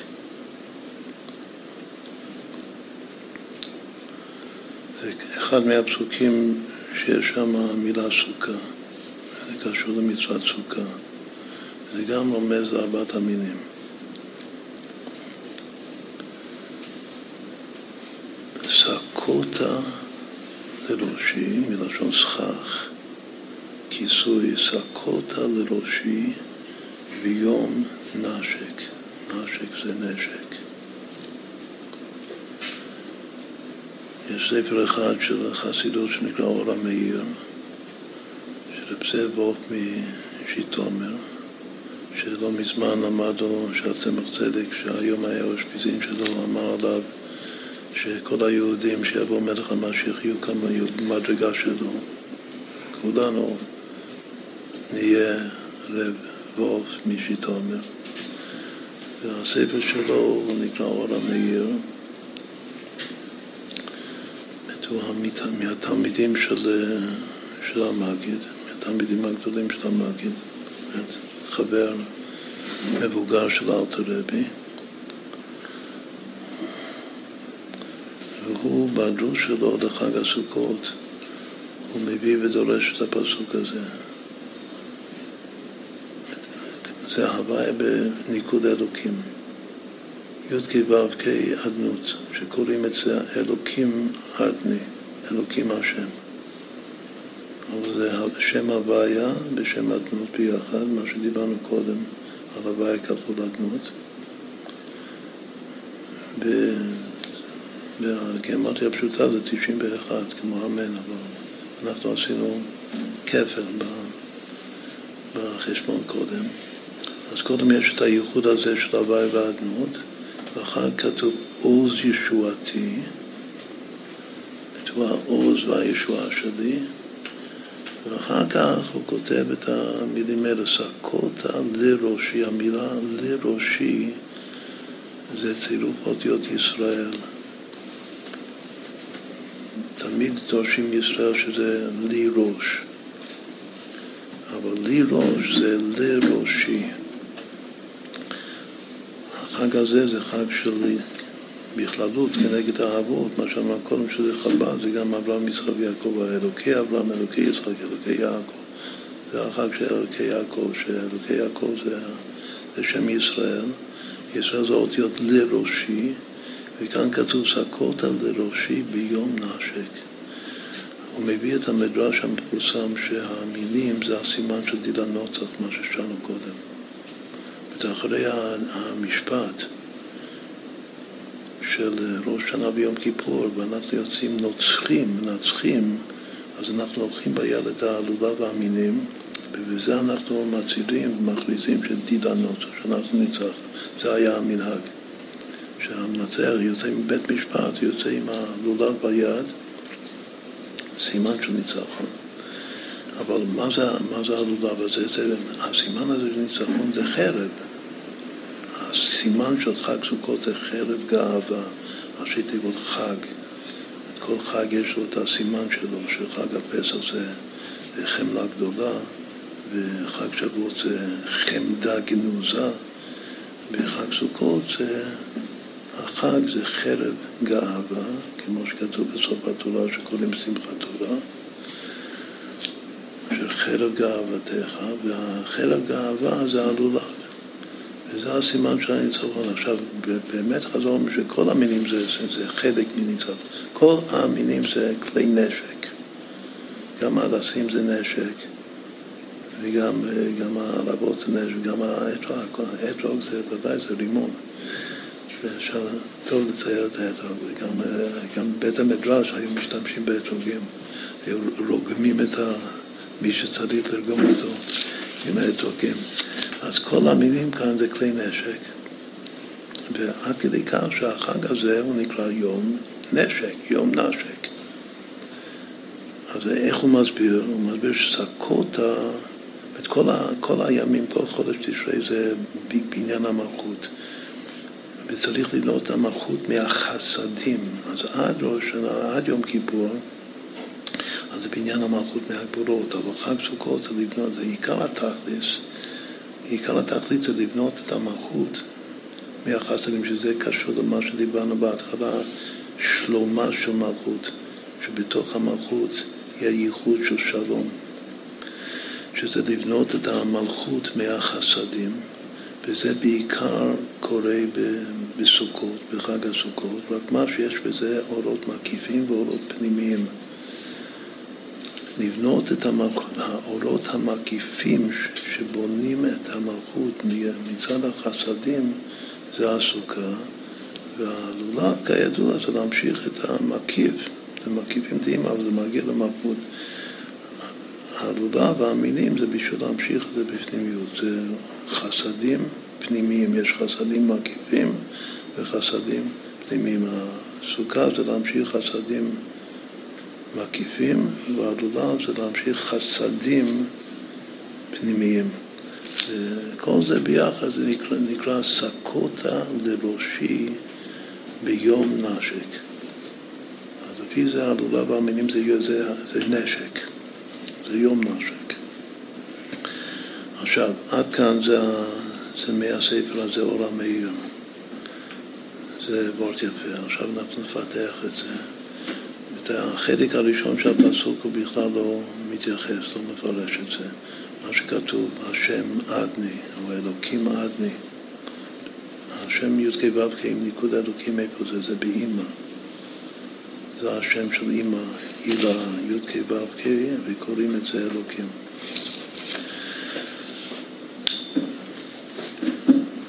פה השם אלוקים, את אלוקים השם, ויש אחר כך עוז ישועתי, ואחר כך יש סקות על ראשי, ואחר כך יש ביום נ"ל, יש בעצם ארבעה חלקים בפסוק הזה. השמות של השם, אחר כך שאתה השם עוז ישועתי, ואחר כך מה, מה השם פועל, הפעולה שלו, שסקות על ראשי, ומתי? ביום נשק. קודם כל, כשמתבוננים בפסוק כאן, אפשר לראות את כל הסדר של חגי תשרי בתוך הפסוק. בסוף אנחנו נראה את כל, ה, כל החגי תשרי גם במילה האחרונה נשק. הכל זה סוגים שונים של נשק. אנחנו בחודש של נשק, חודש תשרי. ייצור נשק, מכירת נשק למי שמותר. דבר חשוב מאוד, אפשר להתעשר מזה. רבי רצה שכולם יהיו עשירים. יש הרבה אנשים שאין להם פרנסה. אז ייצור ומכירת נשק. זה דבר חשוב ביותר. וזה שייך לחודש תשרי. עכשיו, השם אלוקים, מתי עושים את, ה, את הייחוד הזה? אלוקים הוויה. עכשיו, הוויה בניקוד אלוקים זה אימא. זה שייך לעצם היום של, של ראש שנה. כמו שנסביר בהמשך ראש שנה זה להתחיל דף חדש. כמו שעכשיו אמרנו, אולי זה הסבת מקצוע. להתחיל משהו חדש בחיים. כמו יום הולדת, שצריך לקבל החלטה עכשיו משהו חדש. משהו חדש, כל דבר חדש מתחיל משם השם. כאילו מהשגה, כמו שכל ה... מה שאנחנו מתבוננים בי"ק ו"ק. כל התבוננות של י"ק ו"ק זה בשביל, זה סגולה לחדש משהו. קודם פנים חדשות באו לכאן לגבי בורא העולם. מתוך זה אני עכשיו יכול להמשיך את זה הלאה. פעם ראש שנה זה להמליך את השם, לראות את השם חדש. לחדש את המבט שלי על הקודש ברוך הוא. זה כאן אלוקים עדני. אלוקים עד השם י"ק ו"ק אלוקים זה אימא, ועדני זה שם המלכות. אז בעצם שני השמות כאן באלה, השמות כאן בתחילת הפסוק, הייחוד הזה זה הילה כאימה ביתה. וזה שייך לזה ראש שנה. אחר כך עוז, מתי יש גילוי של שיניים נעורים, של עוז ישועתי? עוז ישועתי זה ביום כיפור. שהשם מושיע אותי. מושיע אותי מכל המקטרקים. נותן לי עוז, עוז ותעצומות לעם. גם עוז, השם עוז לעמו ייתן, עוז ותעצומות, וגם ישועתי, הישועה זה הכפרה של יום הכיפורים. עכשיו, אחרי יום כיפור, אני יכול לצאת עם הלולב, מנצח. אבל קודם השם מושיע אותי. אז יש קודם השם, אלוקים. אחר יש עוז ישועתי, ראש שנה ביום ככה. אחר כך מתחיל סוכות. זה כתוב סקוטה דראשי, שזה סוכה. עכשיו, ביום נשק, איך, הוא הסביר? הוא אומר שזה גם סוכות, רק שזה המינים, זה החסדים הפנימיים לעומת המקיפים. ועכשיו נתחיל לדרוש את המילה נשק, שהנשק כאן בסוף הוא כולל את הכל. שחוץ מזה שנשק זה הלולב, זה כל ארבעת המינים, במשך כל החג יש משמעות מיוחדת למילה נשק, שזה ישקני מנשיקות פיו, סוד הנשיקין, מתי זה? עכשיו מה שאנחנו מדברים זה הכנה למחר בלילה, מחר בלילה זה כבר ראשון הרבה, ואז בבוקר שושן הרב לוקחים את הערבות וחובטים אותם לקיים את מנהג הנביאים, חבטת הערבות, וכמו שכתוב ביהי רצון בתפילה, אחרי שחובטים, אין הרבה יהי רצון בסידור של, של האוטו לוי, זה אחד מהיהי רצון, שגם תשליך יש יהי רצון וגם הערבות יש יהי רצון, וכתוב הסוד, זה משהו חריג בשביל האוטו לוי. הסוד של הערבות זה נשיקים, בגלל שכל החג הזה זה ימינות חבקני, את הסוכה זה ימינות חבקני, שזה חיבוק. אבל כשמגיעים להושענא רבה זה כבר לקפוץ מדרגה לגמרי, מחיבוק לנישוק. אז מה זה, אז אם יש יום שהוא יום נשק, שיום אחד, לא שבעה ימים, יום אחד שהוא יום נשק, איזה יום זה יום נשק? זה הושענא רבה. אז אם כן, לפי זה, סקוטה לראשי זה כל החג, וזה מתרכז, כי מצטמצם מלשון ריכוז, ביום האחרון של החג, שזה הושענא רבה, שזה יום נשק. אז אם כן, יש נשק שזה כל החג, בגלל שזה ארבעת המינים זה הכלי נשק, זה החרב גאווה, שמברכים דווקא על החרב גאווה, לעבור כל לכל ארבעת המינים.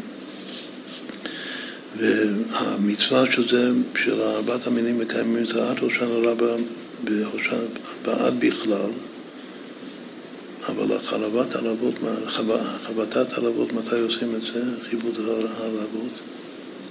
עושים את זה אחרי שגומרים עם, ה... עם הלולב והמינים. כבר שמים את זה בצד. עוד לפני ההלל, לזכור, להוריד את שני, ה... שני הקשרים העליונים כנגד החיי היחידה של הלולב. כאילו לאט לאט ביום האחרון בהושענא רבה מתפטרים מהלולב, בסוף יום הושענא רבה גם מתפטרים מהסוכה. זה אחד מהאי רצון שאנחנו לא אומרים בחב"ד, התפילה שיוצאים מהסוכה. את כל ההושענא רבה זה כאילו לצאת, לצאת מהמצוות האלה. אז בבוקר יוצאים מהלולב, אבל מה נשאר אחרי שיצאנו מהלולב? עכשיו יש את הנשק, מלשון נשיקין, כאילו מכירת נשק, עכשיו זה הפך, הפך להיות uh, נשיקין, ישקני מנשיקות פיו. אז זה הסדר כצעקות על דרושי ביום נשק. עכשיו, אז מה יש, מה אמרנו עכשיו? אמרנו שנשק זה גם כל החג, שזה ארבעת המינים, זה גם במיוחד, זה זה המנהג נביאים של היום האחרון של הושענא רבה. אולי נשק זה גם יכול להיות כל החגים, הכל זה סוגים שונים של נשק. אולי אם יש ארבעה סוגים של נשק, זה גוף המקביל לארבעת המינים. מה זה עוד נשק? השער נשק זה שק, ש"ק. מה זה עוד? כל, לפני שנחזור לראש שנה, נלך הלאה. עם, עם כל הימים זה היה נשק, חרב גאווה, ואחר כך זה הפוך להיות נשיקין, בהושענא רבה. ואחר כך מה זה, מה זה נעשה למחרת בשמיני עצרת? ומה קורה בשמחת תורה? מה קורה עם הנשק? זה הופך להיות משקה. אבל מה ההבדל בין שמינה, בארץ ישראל שמינה עצרת ושמחת תורה זה יום אחד, וחוץ על זה שני ימים, שתי בחינות. אז מה זה שתי בחינות של משקה? יום נשק זה הופך להיות יום משקה. זה אסמכתה מצוינת בחב"ד, הרי טמאים על חב"ד, למה שותים בשמחת תורה? מה, מה העניין? זה נשק. שמיני עצרת זה תפילת הגשם, ותפילת הגשם זה משקה מלמעלה. מתפללים שהשם ישקה ונהר יוצא מאלו להשקות את הגן, שהשם ישקה את הגן שלו. זה תפילת הגשם. אבל זה שאנחנו נשקה את עצמנו, זה שמחת תורה. בכל אופן, בסוף הנשק הופך להיות משקה. אחר כך, אבל עכשיו צריך לחזור קודם. מה זה היה, מה היה הנשק ב, בראש שנה? איזה נשק היה שם?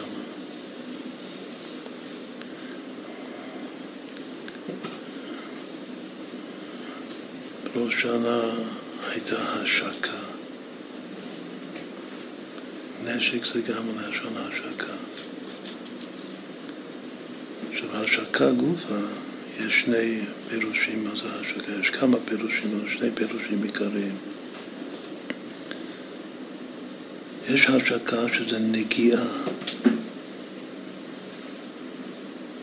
כמו, מתי משתמשים בזה? במקווה, בטהרה. מטהרים על ידי השקה, מתי זה, לאיזה יום זה שייך? מתי זה יום ההשקה של לטהר? זה יום כיפור, לפני השם תטהרו. זה יום שאנחנו דבקים, מה זה ההשקה? לענייננו זה דבקות. זה יום של דבקות שדווקא בזכות העינויים, לחיותם ברעב. אנחנו מתפשטים מהגשמיות שלנו, זה הספשטוס הגשמיות, ונדבקים, נשקים לקודש ברוך הוא, ובזה המים הטהורים של הקודש ברוך הוא מטהרים את המים הטמאים שלנו, ועל זה נאמר לפני השם תטהרו. אז זה יום של השקה, שהשקת מקווה. מה זה ראש שנה? מה זה עוד המילה השקה? יום נשק. מה זה שעושים למשהו השקה? כן, השקה באיזה תוצר חדש. מה המקור של הביטוי הזה? מה משיקים בתורה? שמזה עשו את זה לכל דבר חדש, לכל... המקור של הביטוי להשקה זה אונייה. בונים את האונייה על היבשה, אבל כמו נוח שבנה את התיבה. בפעם ראשונה שמכניסים את זה, את האונייה, למים, לים, אז זה נקרא להשיק אותו. כנראה שזה קשור גם למשקה. כשלוקחים את האונייה, כתוב דרך אונייה בלב ים, איפה זה כתוב? מכניסים את האונייה לתוך, ה... לתוך המים, לתוך הים. זה בארבעה לא ידעתים, שלושה הם הנפלו ממנה, ארבעה לא ידעים. זה הדלת ראשונות של עתיק. זה סוד רדלה, איפה זה דרך אונייה בלב ים, זה אימא. זה התענוג הפשוט הבא במורגש בלשון המתוארבי. ראש השנה זה השקה, זה להשיק את השנה, מה שאמרנו קודם, להשיק את השנה החדשה. איך אומרים את המילה הזאת באנגלית? להשיק אונייה. שהוא בהשאלה, זה כל דבר חדש שאתה עושה, זה נקרא להשיק אותו. כל פרויקט. מה המילה? זו מילה טובה, לכן אני היום רק מילים טובות שכדאי ללמוד אותן. זה נקרא launch. To launch a project. ראש השנה זה launching. To launch a new year. Launch a new project. לקחת את האונייה שבניתי על היבשה, וזה לא בשבילי, האונייה זה לא בשבילי של היבשה, ולהכניס אותו, לזרוק אותו לים, כמו נחשון שקופץ לים. זה מה שקורה, זה, זה העבודה וההתבוננות של הראש שלה. עכשיו אנחנו לונצ'ינג, שנה חדשה, זמן חדש בישיבה.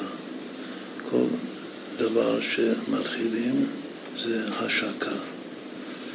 אז אם כן, הכל, כל חודש תשרי זה, זה חודש של נשק. הכל ימי נשק. קודם להשיק את השנה, אחר כך להשיק אותנו עם הקודש ברוך הוא וככה להתאר לגמרי. ההשקה הראשונה זה להיוולד, מה קרה בראש שנה? אז האדם הראשון נולד, זו ההשקה שלו. רק שזה לא היה כל כך מוצלח אצלו באותו יום שהשיקו אותו. אבל אה, זו, זו המשמעות של היום, שהקודש פה לקח את האדם הראשון מכאן עדן, שהיה שם עומד לפני השם, חי השם שעמד לפניו, והוא זרק אותו לים. נקרא launched, launched אותו, השיק אותו. זה ראש שנה. יום כיפור זה השקת המקווה. אשריכם ישראל, אמר רבי עקיבא, לפני, לפני מי אתם מתארים מטהר אתכם. זה יום כיפור. ואחר כך סוכות זה, זה חלק גאווה, זה הלולב. ובסוף ראשון רבה, לקראת הסוף ראשון רבה זה כבר נשיקין. ואחר כך שמיני עצרת זה משקה מלמעלה, ושמחת תורה זה משקה מלמטה, בתוכנו. אז עד כאן השיחה. עכשיו, אנחנו עדיין באמצע משהו גדול, לא יודע אם נסיים את זה אפילו, איך זה מקביל עם הארבע מדרגות של הצמצום, שזה עיקר האסכולה של, של הערב. עד כאן השיחה השנייה. עכשיו, עכשיו נלך, אה, נתפלל אה, ערבית ואולי נאמר עוד משהו אחרי זה. אפשר לנגן בעוד כמה דקות ערבית. יש פה מניין שלא יתפללו?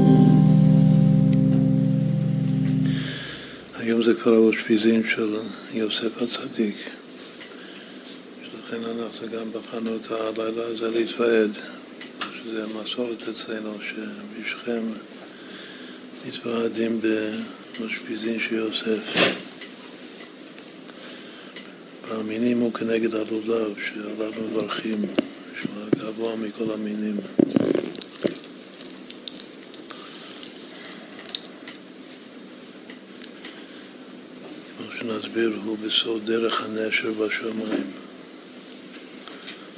קודם דיברנו על דרך אונייה בלב ים, שזה הבינה דרדלה. דרך הנשר בשמיים, בשורש זה כתר דרדלה. ששם החביונו זה עצמות, לכן מברכים על, על יוסף. ברכות לראש צדיק. צדיק שממשיך את כל הברכות. מה זה יוסף? לשון תוספת, יש לו תוספת לגבי כולם, גם לגבי האבות, יש לו תוספת. כי ידוע שאפילו יעקב אבינו שהוא הבכיר שבאבות, שהוא האבא של יוסף, אז מותר לו לעשות סיבה, לפתוח בשם דרך הסיבה שהוא עושה. אבל ליוסף זה אסור, בגלל שהוא שייך למדרגה שיותר גבוה מכל הסיבות הגשמיות, יותר גבוה מה, מעולם הזה בכלל, השורש שלו, כמו שהלולב מתרומם יותר גבוה מהדסים שזה כנגד האבות, יותר גבוה משתי הערבות שזה כנגד משה ואהרון, ואתרוג שזה דוד, מי שמתרומם עד השמיים זה יוסף. עכשיו בעולם האצילות יוסף הוא היסוד, ספירת היסוד. אבל השורש היותר גבוה שלו זה יסוד דאק, שהוא למעלה ממה שמוסבר בחסידות דווקא במאמרים של הרבי המהר"ש, עכשיו זה לפי השיטה הפשוטה שהאושפיזין זה מתחיל מהבר שם טוב, אושפיזין החסידים, אז היום אנחנו הרבי המהר"ש, אם מתחילים מיד מלאטה, כן, זה הרבי הקודם שהיה דומה מאוד גם בפנים שלו, היה דומה לסבא שלו, הרבי המהר"ש, יש זיקה ביניהם. אז אם מתחילים מאלתר רבי, זה הרבי הקודם בעל המסירות נפש של חב"ד, בפועל ממש. ואם זה מתחילים מהבר שם טוב, זה הרב מראה שהוא משקר את הבר שם, בין הרבים הוא אבא, הוא הדמות של הבר שם טוב, בתוך חב"ד, הרבי המהר"ש. לכן שאלנו את הלכתחילה הריבה שלו. עכשיו, בהמשך צריך גם להשאיר את הבינוני של, של הרבי הקודם, שהוא נקרא יוסף, על שם יוסף הצדיק. בכל אופן, יוסף בעולם האצילות היסוד, שמחבר זון, והוא עולה, ב... כמו שנסביר, הוא עולה עד הדעת, להמשיך משם את הטיפה של זר החי אבל הרבה הרבה יותר גבוה מזה, למעלה מה... מכל עולם האצילות. וגם למעלה מעולם הנקודים שקדם לעולם האצילות, למעלה מכל השפירה והתיקון זה יוסף המלך הדר, המלך השמיני, שהוא יסוד אק. עכשיו זה שקוראים לו הדר, אז לכאורה זה משייך אותו לאתרוג, או לקחתם לכם ביום הראשון, ראשון לחשבון עוונות, פרי עץ הדר, ואחר כפות מרים. אז על פי פשט הוא הנולד, הוא הכפות מרים. אבל השורש שלו זה בהדר. עכשיו, מההדר שהאזור לומדים בהדר לגבי כל המינים, החל מה, מהלולב. לולב היבש פסול, צריך להיות דבר חי. למה לולב היבש פסול? בגלל שלא המתים יעללו כאן. מי, מי שהוא מת, או מי שעובד את השם כמו מת, בלי חיוס, כמו שאבא שם לימד, שצריך איבר חי, אז הוא פסול. עכשיו, מזה שדולב היבש פסול, מפני שלא המתים יעלו קהל לומדים לגבי שעמים, ובעיקר לומדים לגבי האתרוג, כלומר שיש לימוד מי הלולב לאתרוג, שגם האתרוג היבש פסול. אחד מהסיבות שאם הוא יבש בלי חיוס, אז הוא לא הדר. הדר, בין היתר, זה חי, להיות חי. זה לימוד מהלולב לאתרוג, וגם מהמין שלא כתוב שם בפירוש הדר, אותו מין שכן כתוב הדר, שזה כולל את כל המינים, הבריא, etc.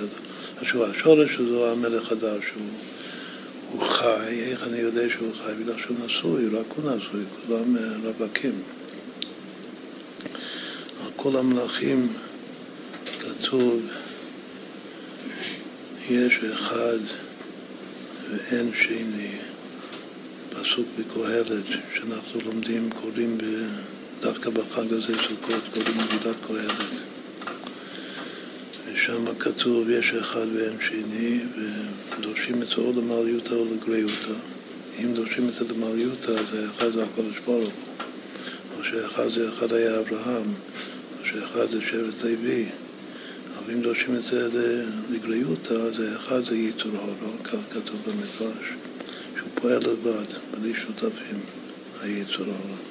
מי שיכול להתגבר עליו זה דווקא יוסף. שהוא עומד בניסיון של התאווה, כידוע שכל המינים זה כנגד ארבעה סוגי ניסיון. הכל זה להרים נס, מי שהמרים נס הכי גבוה זה הלולב. הניסיון שלו זה הניסיון שיוסע, של ניסיון בכמה ברית. הוא עומד בזה, זקוף. הנה כמה לעומתי וגם ניצבה.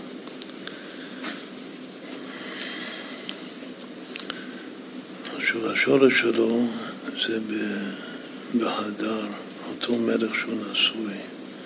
אם הוא נשוי, אז יש, אז הוא...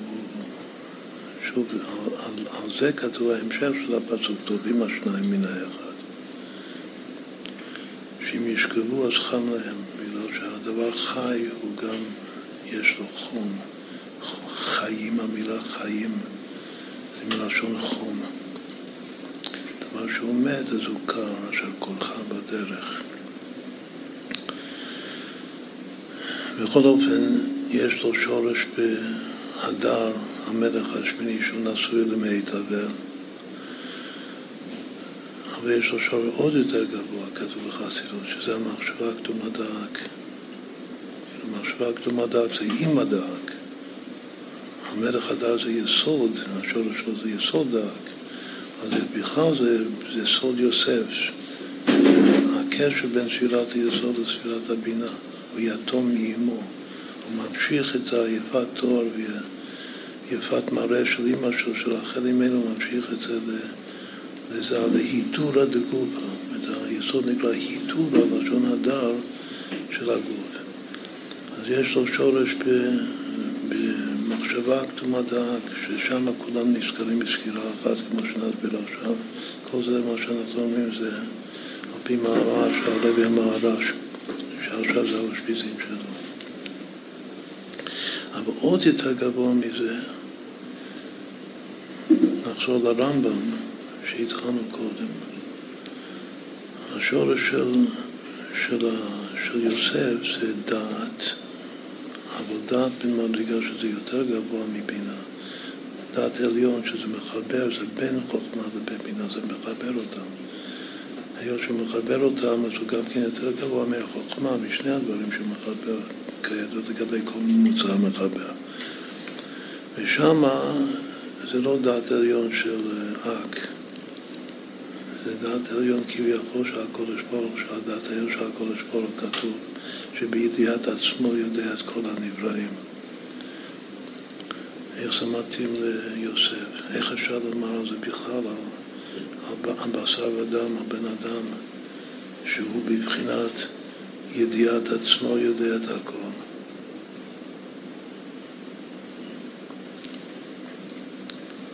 ידוע מה שרבי ירושב אמר, שאני יושב אחרי דלת נעולה עם הליקוטי תלו, אז המקיים אצלי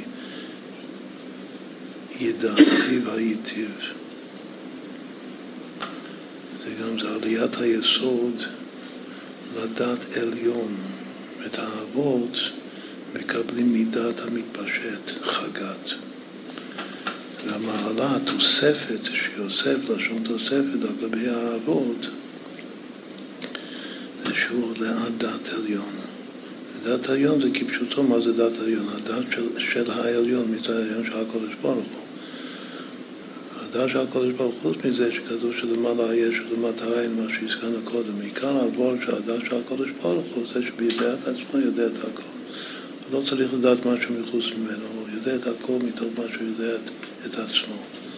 והוא בדעתו זה אחד גמור, כמו שהר"ם כותב, כמו שלמדנו את זה, גם לא מזמן למדנו את זה. עיקר השאלה לגבי יוסף זה איך הוא הכיר את אחיו במצרים והם לא הכירו. למה לא? האבות, השבטים היו נשמות גבוהות מאוד, בעלי מדרגה ברוח הקודש, השגה אלוקית. איך הם לא, הם, הם לא ראו שזה שעומד, יושב לפניהם, זה אח שלהם, יוסף. כלומר, מה שכתוב בחז"ל, מה שרש"י אומר, שהוא יצא בלי חתימת זקן, ועכשיו יש... זה לא נשמע רציני. ודאי יש דברים בגו, מה, רק בגלל החתימת זקן לא הכירו אותו. שזה אנשים גדולים, זה אח שלהם. ולמה כתוב בהסבר בחסידות שמה שלא הכירו אותו, שלא יכלו להבין ש... שבן של יעקב אבינו, יוסף, ש... שהוא מצד עצמו הוא קשור לאלוקות, משבטי קו, וכאן רואים אותו שהוא במאה אחוז טרוד, זה המקום, זה המילה, במאה אחוז טרוד בעסקי העולם הזה. כל כולו שקוע בגשמיוס. הם לא הכירו שייתכן מציאות כזאת, שאחד שהוא טרוד ממש, שהראש שלו טרוד במיליוני פרטים קטנים, להיות המשביר על כל ארץ מצרים, איך זה יכול להיות יוסף האח שלהם? שהוא מאמין באלוקים ושהוא קשור לאלוקות. זה לא יכול ללכת ביחד, והבעיה שאפילו אצל האבות, אבותינו הקדושים זה לא הולך ביחד, זה לא יכול ללכת ביחד. לכן היו רועי צאן כולם, כדי להיות פנויים במחשבה, להיות דבוק בהשם. אז ככה מוסבר בחסידות, מה זה הם לא הכירו? לא הכירו אותו שלא ייתכן כזה דבר שהבן אדם הזה, שהוא מלך המצרים, שהוא יכול להיות האח שלהם יוסף. אלא מה? מה שלא הכירו, לא הבינו שהחל היסוד של עולם האצילות זה עדיין קבושה חדה. אם הוא יכול להיות אינפלט, אויספלט לגמרי בו זמנית. בעצם זה הביטוי, זה המדרגה של אבא שם טוב. אין וארצו יכול להיות לגמרי בתוך העולם ולגמרי מחוץ לעולם בעת ובעונה אחת. אפילו יסוד האצילות זה לא, בגלל שהיסוד האצילות זה תיקון. בעולם התיקון הוא לא יכול להיות גם תוהו, גם להתעסק כולו בתוהו. מה זה העולם הזה? זה הכל תוהו, הכל שבירה. כולו, כל הראש שלו שקוי בשבירה זה פרטים קטנים, שבירה וסיסים. כולו בתוהו וגם בתיקון בו זמן, רק נשמה שהוא למעלה מהשבירה והתיקון. ממילא יכול להמשיך את האורות המרובים שלו בתוך הכלים הרחבים של תיקון נוסחת המשיח של הרבי. רק הוא יכול להיות אינוורט או אסוורט. בזה לא הכירו כזה מדרגה בכלל, שיש אחד כזה, בגלל שגם אבא שלהם לא היה ככה. גם סבא וגם סבא רבא לא היה ככה. זה יוסף. אבל החל מהמדרגה של הדר, הוא יכול להיות ככה. וכל שכן הבינה, הבינה דאג שכולם נזכרים בסקירה אחת, כלומר שהוא דבר אחד בלבד, אבל בתוך הדבר האחד, המבט האחד על המציאות, כל הפרטים נמצאים, שאין סוף פרטים. זה כך מסביר מה זה כולם נזכרים בסקירה אחת. שהוא הדר, היסוד דק, הוא כבר למעלה משירה ותיקון. המחשבה הקדומה דאק זה בכלל, זה מחשבה אחת שכל הפרטים נמצאים שם. אבל עוד יותר גבוה מזה, שזה השורש האמיתי, מה שאמרנו קודם, זה ש, שהוא בכלל לא צריך אפילו להביט על הסקירה, כשכולם נזכרים בסקירה אחת. הוא לא זקוק לזה, זה אחרי הצמצום, אחרי הצמצום יש מציאות, צריך להסתכל על המציאות, אבל לפני הצמצום הוא בדרגה של ידיעת השם, שזה נקרא די, יודע דעת עליון למעליותא, לא כמו בלעם הרשע. שדעת עליון זה הדעת של העליון שבידיעת עצמו הוא רק, זה בדיוק מתאים לי. מכל המדרגות האלה, אם אני מסתכל תמיד הפשט הוא קשור לעומק הסוד. מי זה יוסף? יוסף זה אחד שהוא כולו, כולו עצמו, גם לגריותא, מסרסר בשר. זה הבעיה שלו. נרקסיזם קוראים לזה. הוא רק אה, מסתכל על עצמו. בעיה גדולה. ככה זה בנפילה, שזה נופל למטה. אבל למעלה בשורש זה, זה השם, שהוא רק יודע את עצמו, בשעשועים עצמיים, אבל בתוך ידיעת עצמו הוא יודע את הכל. וככה זה יוסף, הוא רק עצמי. אז יש פה ארבע מדרגות, זה גם כן י"ק ו"ק. שהיוד כאן זה לפני עצמי, זה בידיעת עצמו, זה נקרא שהלולב עולה עד דעת עליון. ובידיעת עצמו הוא יודע את הכל. זה לא כל החשבונות. כל מה שהוא בא שם בבית פוטיפר לעשות חשבונות, כל החשבונות, כל מה שאחר כך הוא, הוא מפרנס ומשפיע מכלכל את כל התפיסה. הכל יודע את זה. גם בפתרון החלומות זה ככה. תוך כדי שהוא פותר את החלום, השאלה הידועה, אז הוא אומר לפרעה מה לעשות. שבעצם הוא אומר לו, תמנה אותי להיות uh, המשנה למלך מצרים. זה, זה יפסול את הבעיה. כל הזמן לא חושב על עצמו. בגלל, בידיעת עצמו הוא יודע את הכל. זה גם כן נושא שקצת דיברנו על זה לאחרונה, או כתבנו משהו על זה, שיש כל צדיק בונה, יש לו את העולם שלו. יודע את עצמו. כל העולם בעצם זה כמו שהשמש מסתובב מסביב לכדור הארץ, לפי המבט של התורה. צדיק באמצע, וכל המציאות מסתובבת מסביב לו. זה מקומם את המדענים היום. זה צדיק, שהכל זה הסובייקט, אין בכלל אובייקט. אין אובייקט. יש רק סובייקט. הסובייקט זה הצדיק, יסוד עולם. כך הוא עולה במדרגות מה... כאילו המלכות שלו זה, זה יסוד האצילות. והזה אצלו זה המלך הדר, זה יסוד דעת, והאימא זה בפשטות, זה המחשבה הקדומה דאג. אבל האבא שלו, היוד זה ידיעת עצמו. זה לא הכירו, זה השבטים לא יכלו להבין את זה, לשער את זה, כלל וכלל.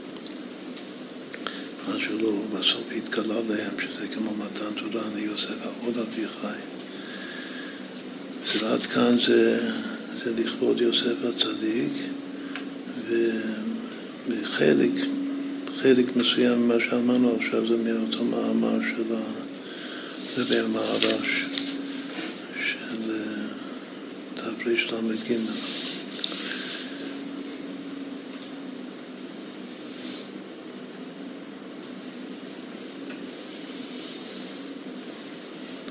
את היום, לפני הערב, היום החמישי של סוכות, האושפיזין, לפי מתחילים מהבר שם טוב, זה אושפיזין של הצמח צדק. אז גם נאמר בord ממנו.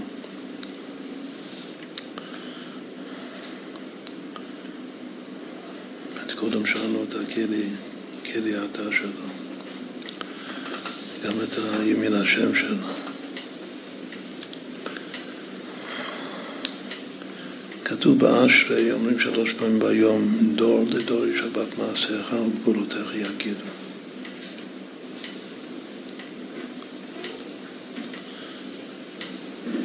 ידוע שבסידור עם דח, אז על כל פסוק באשרי יש ומה שמעניין ביהל אור, שזה הפילוש התהילים של עצמנו צדק, יש גם דרושים גדולים מאוד על חלק מהפסוקים. וזה אחרת, זה מאוד מעניין. זה לא אותם הדרושים כמו בסידור שזה המזרע רבי, זה והמזרע רבי. גם בפירוש המילות של, של המזרע רבי יש גם דרושים גדולים מאוד על, על האשרי.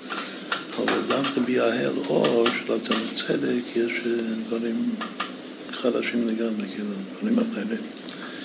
אז כאן זה דוגמה של אחד מהם, ש... איך הוא מפרש דור ודור. עכשיו, למה אנחנו בחרנו בפסוק הזה? בגלל שכתוב פרי עץ הדר. זה היה אתרוג, אבל אמרנו שגם הלולב זה הדר. המלך הדר זה יוסף הצדיק של היום. ובכלל כל המילים זה הדר.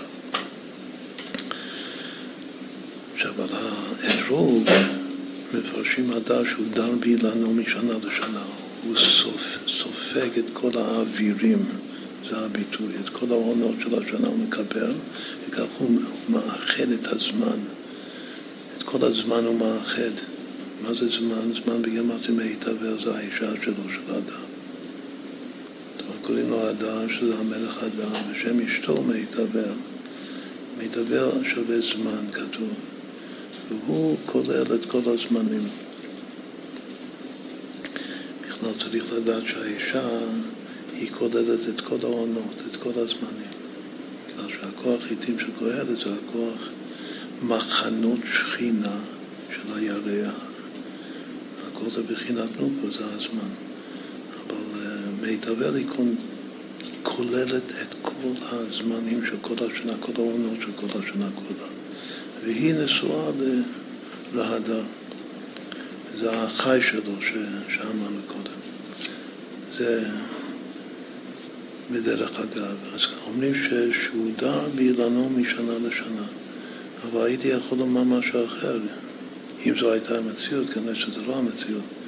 הייתי יכול לפרש את זה שהדר שהוא דר באילנו מדור לדור. זה אתרוג מיוחד. לא רק אתרוג שנתי. אתרוג שהוא באמת, שהוא לגמרי הדר, שהוא שמה נמצא מדור לדור. ואם כן, האתרוג הוא רמוז בפסוק הזה, ואשרי דור לדור ישבח מעשיך האתרוג שהוא פרי עץ הדר, הוא הדור לדור ישבח מעשיך וגבולותיך יגידו.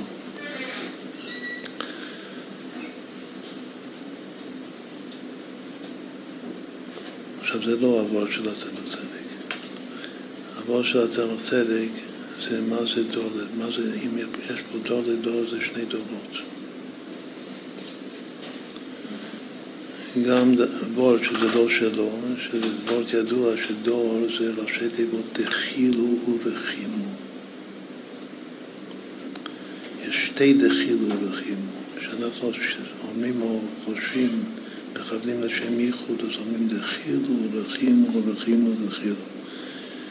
אלא שיש דחילו ורחימו בי"ק, שהי"ד זה דחילו וההילה זה רחימו.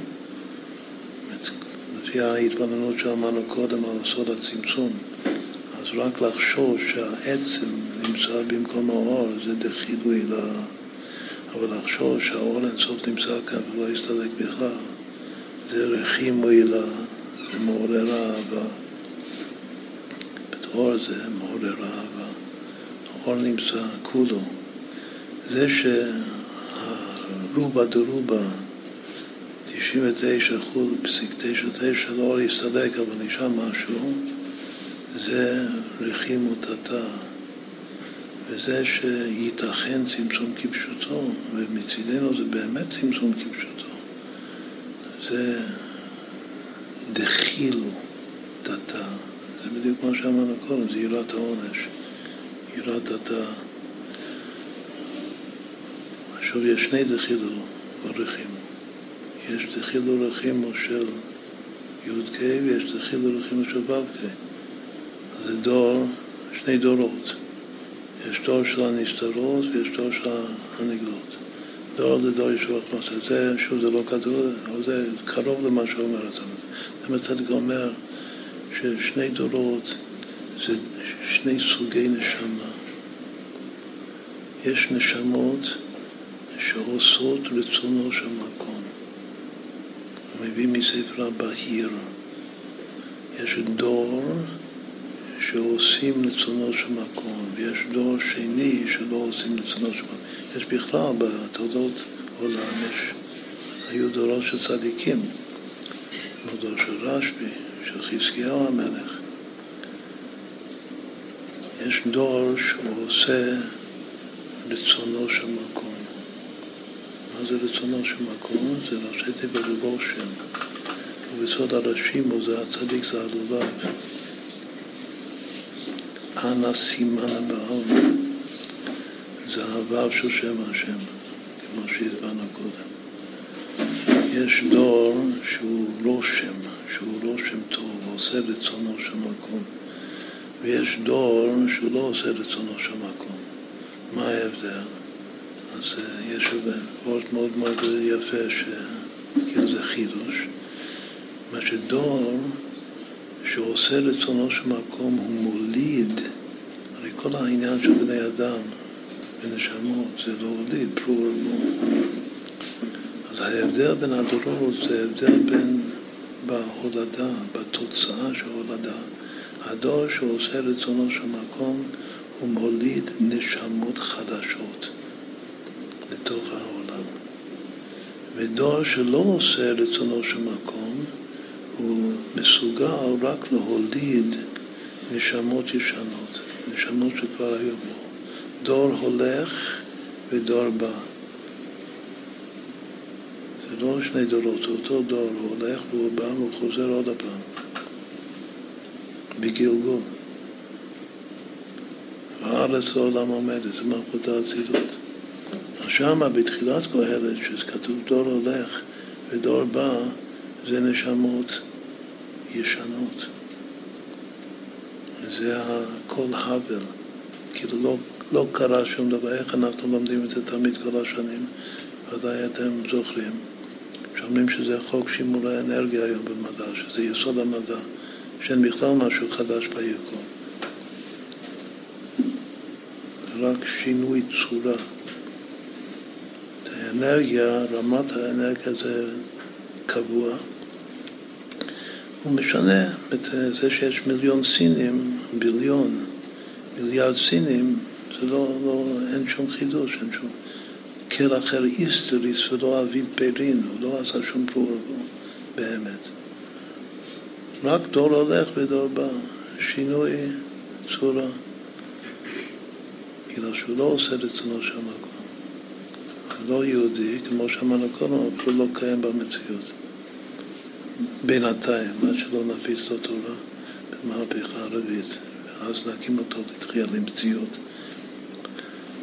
בכל אופן, הדור שלא עושה רצונו של מקום, הוא רק יכול להוליד כל מה שאנחנו עושים ומולידים, כל המצוות המעשים טובים שלנו, הכל הולדה. אז רק מולידים דברים ישנים. דווקא רק מי שעושה רצונו של מקום, אז מה שהוא מוליד, שזה כל מה שהוא עושה בחיים, הוא מכניס אנרגיה חדשה לתוך היקום. שזה דבר שהוא לא ייתכן על פי מדע בכלל.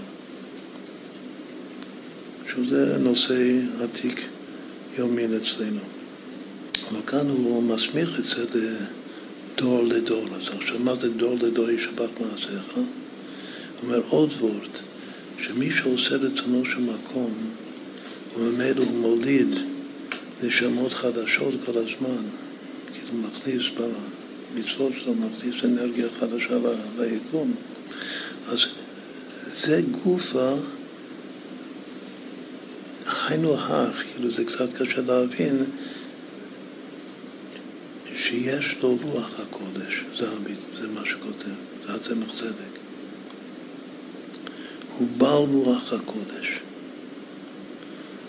לעשות רצונו של מקום ולהוליד נשמות חדשות ובעל רוח הקודש זה אותו דבר. עכשיו, זה שהוא בעל רוח הקודש בגלל שהוא עושה רצונו של מקום, מוליד נשמות חדשות, ממילא הוא מסוגל להעיר לדור התחתון,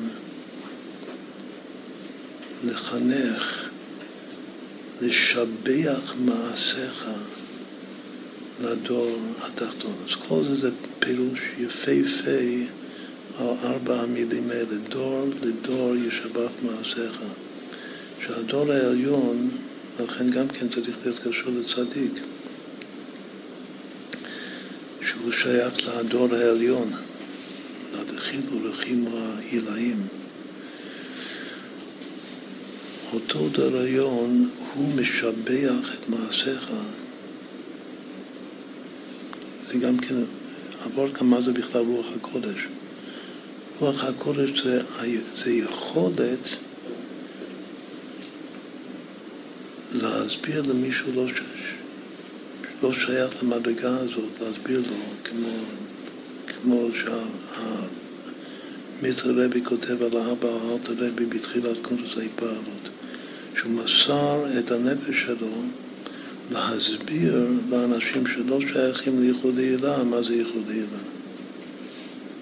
שגם הם יטעמו טעם של ייחוד הילה.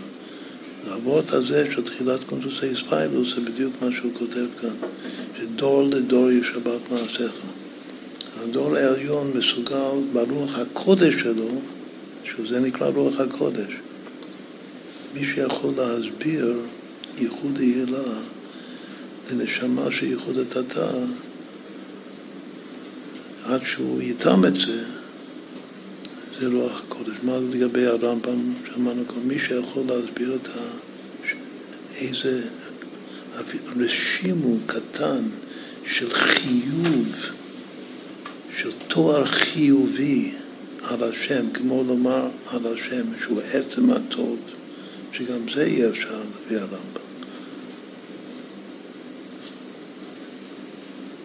טיפת חיוב על הקודש ברוך, טיפת קשר ביני לבין הקודש ברוך. בתוך מישהו רק שייך לידיעת השלילה, שהוא חייב רק לבטל את כל מה שהוא יודע וחושב. אז זה גם נקלט, זה רוח הקודש של דור לדור ישבח מעשיך. וגבולותיך יגידו עכשיו, הוא מביא מיד, בשביל להבין את החלק השני של הפסוק, אז הוא מביא מהזוהר שיש כאן שני פסוקים באשרי שכתוב גבולותיך, בראשון כתוב גבולותיך, ובשני כתוב וגבולתך. גבולותיך עם יוד, שזה בפשט זה לשון רבים, והשני זה לשון יחיד. ומה כתוב הלאה? כתוב, וגבורתך ידברו. וכאן כתוב, מה כתוב? וגבורותיך יגידו. אז מה, מה ההבדל? מה ההבדל בין יגידו לבין ידברו? ידברו זה עמא דיתגליה, זה דיבור, זה מלכות. יש גבורות של השם ששייכות לעמא דיתגליה, אפשר לדבר אותן.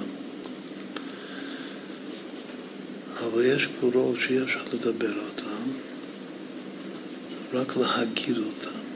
עכשיו, כשאני אומר את המילה להגיד, אז זה גם לדבר, אבל בפנימיות להגיד, הגדה זה משהו אחר.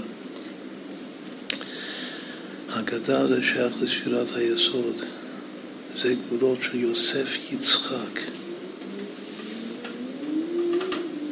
כוח גברא. הגדה, היסוד נקרא גיד. למה? בגלל שג' ד' זה גומר דלים. והיוד זה הטיפה שהוא גומר. אז עוד פעם, יש גבורותיך, שגבורותיך יגידו, ולכן יש גם יוד בתוך המילה גבורותיך. זה אותו יוד של היגידו, של הגיד, שזה היסוד. מה שיסוד עולה לדעת בשביל להמשיך את הטיפה. ויש אחר כך גבורתך ידבר, שזה הגבורות של המלכות. ככה זה כתוב בזכר. עכשיו, עכשיו נעבור לעוד משהו. יש כאן בתוך אשרי שבע מילים כאלה. אמרנו שתיים, יגידו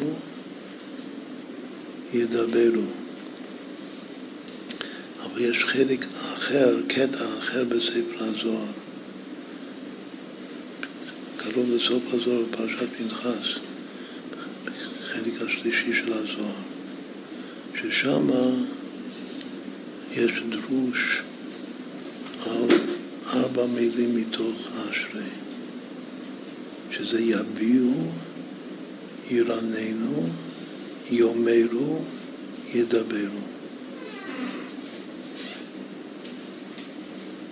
לא יגידו. יש עוד שלוש כאלה, אבל הוא רק דורש, למה הוא דורש את ארבע אלה? בגלל שארבע אלה זה שני פסוקים שבכל הפסוק יש זוג. זה רק שני הפסוקים האלה. פסוק אחד אומר זכר רב טובך יביעו. בצדקתך ירננו. זה פסוק אחד שיש שם יביעו ירננו, על אותו משקל. ואחר יש עוד כמה פסוקים הלאה, יש כבוד מלכותך יאמרו וגבורתך ידברו. וגם כן, שני חלקי הפסוק זה עם אותה אותו משקל של מילה. בפסוק הראשון זה יביעו ירננו, בפסוק השני זה יאמרו ידברו.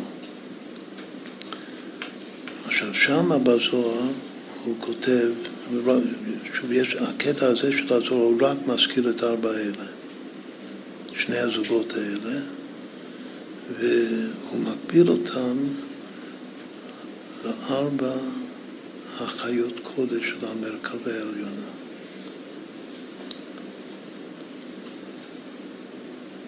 עכשיו התחלנו עוד נושא שלם של ארבע. יש ארבע חיות, האריה והשור והנשר שהזכרנו והאדם. עכשיו, זה ייתכן שכן דיברנו על זה פעם, אני לא זוכר, שזה ודאי דוגמה עיקרית בתורה, זה מעשה מרכבה, שזה קשור לארבעת המינים. הנשר הזכרנו הרגע זה הלולב. דרך הנשר בשם. האדם, פני אדם, זה לא האדם שאני לוקח את ארבעת המינים ביד, מנענע אותם, אז בעצם אני לוקח את ארבע החיות, חיות הקודש של המרכבה. אני נעשה מרכבה, ולא רק שאני נעשה מרכבה עם ארבע, ארבע החיות, שאני גם כן עומד, האדם העליון שיושב על המרכבה. כאילו לקחת את ארבעת המינים מחר בבוקר של הלולב, זה להתעסק, זה, זה מייסה מרכובה, זה מעשה של מרכבה. אני מחזיק, במה זה חיות? החיות רצו לשוב, מה רבה זה? זה חיוס. זה בדיוק מה שדיברנו קודם, זה הכל שלכם מברכים על הלולב, בגלל שם עיקר החיות ולא המתים מיד דבוקה. שלא יהיה יבש, שיהיה חי, שיהיה רענן.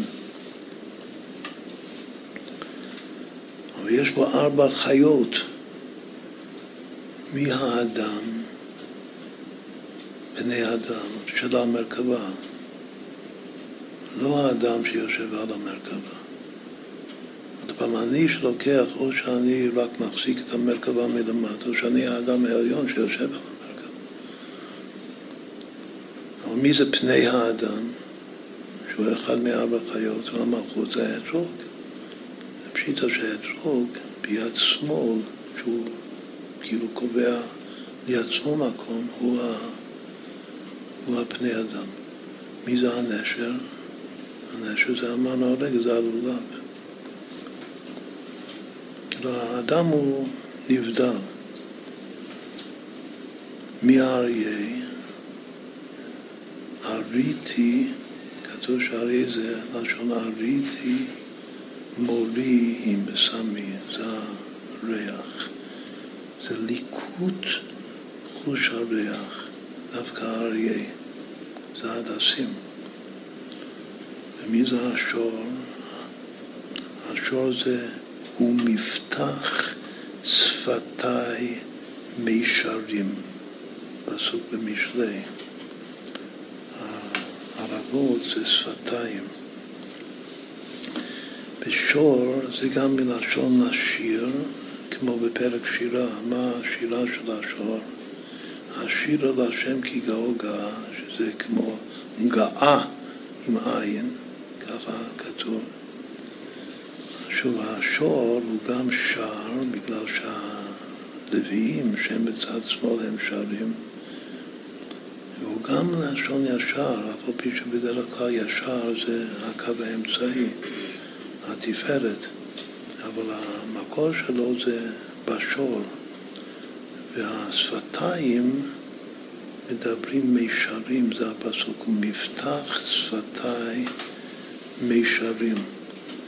אז זה הקשר, הרמז בין הפני שור לבין הערבות, ערבי נחל. והאריה, שוב זה הבשמים, הריטי, מורים סמי זה פני אריה, והנשר זה הלולב, והאדם זה האתרוג, זה גם כוונה מאוד מאוד חשובה י"ק ו"ק, ושוב זה גם אמור, זה אמור להיות מקביל לארבע המדרגות של ה... ארבע המדרגות של, ה... של הצמצום. נאמר לגבי משהו חשוב מאוד, לגבי האתרוג, מה, איזה ניסיון האתרוג מה לתקן. מי זוכר את ארבע הניסיונות? זה בתום ודעת, כל מי שלומד בתום ודעת צריך להיות בקיא בתום ודעת. שם יש הדרוש של כמה דרושים על סוכות, כולל הדרוש של, של ארבעה ארבע סוגי ניסיון, שזה המינים. מה זה אתרוג? ראשי תיבות. בא לעבדו. אל תבואנו לגאווה, אתרוג בא לתקן את הניסיון של הגאווה.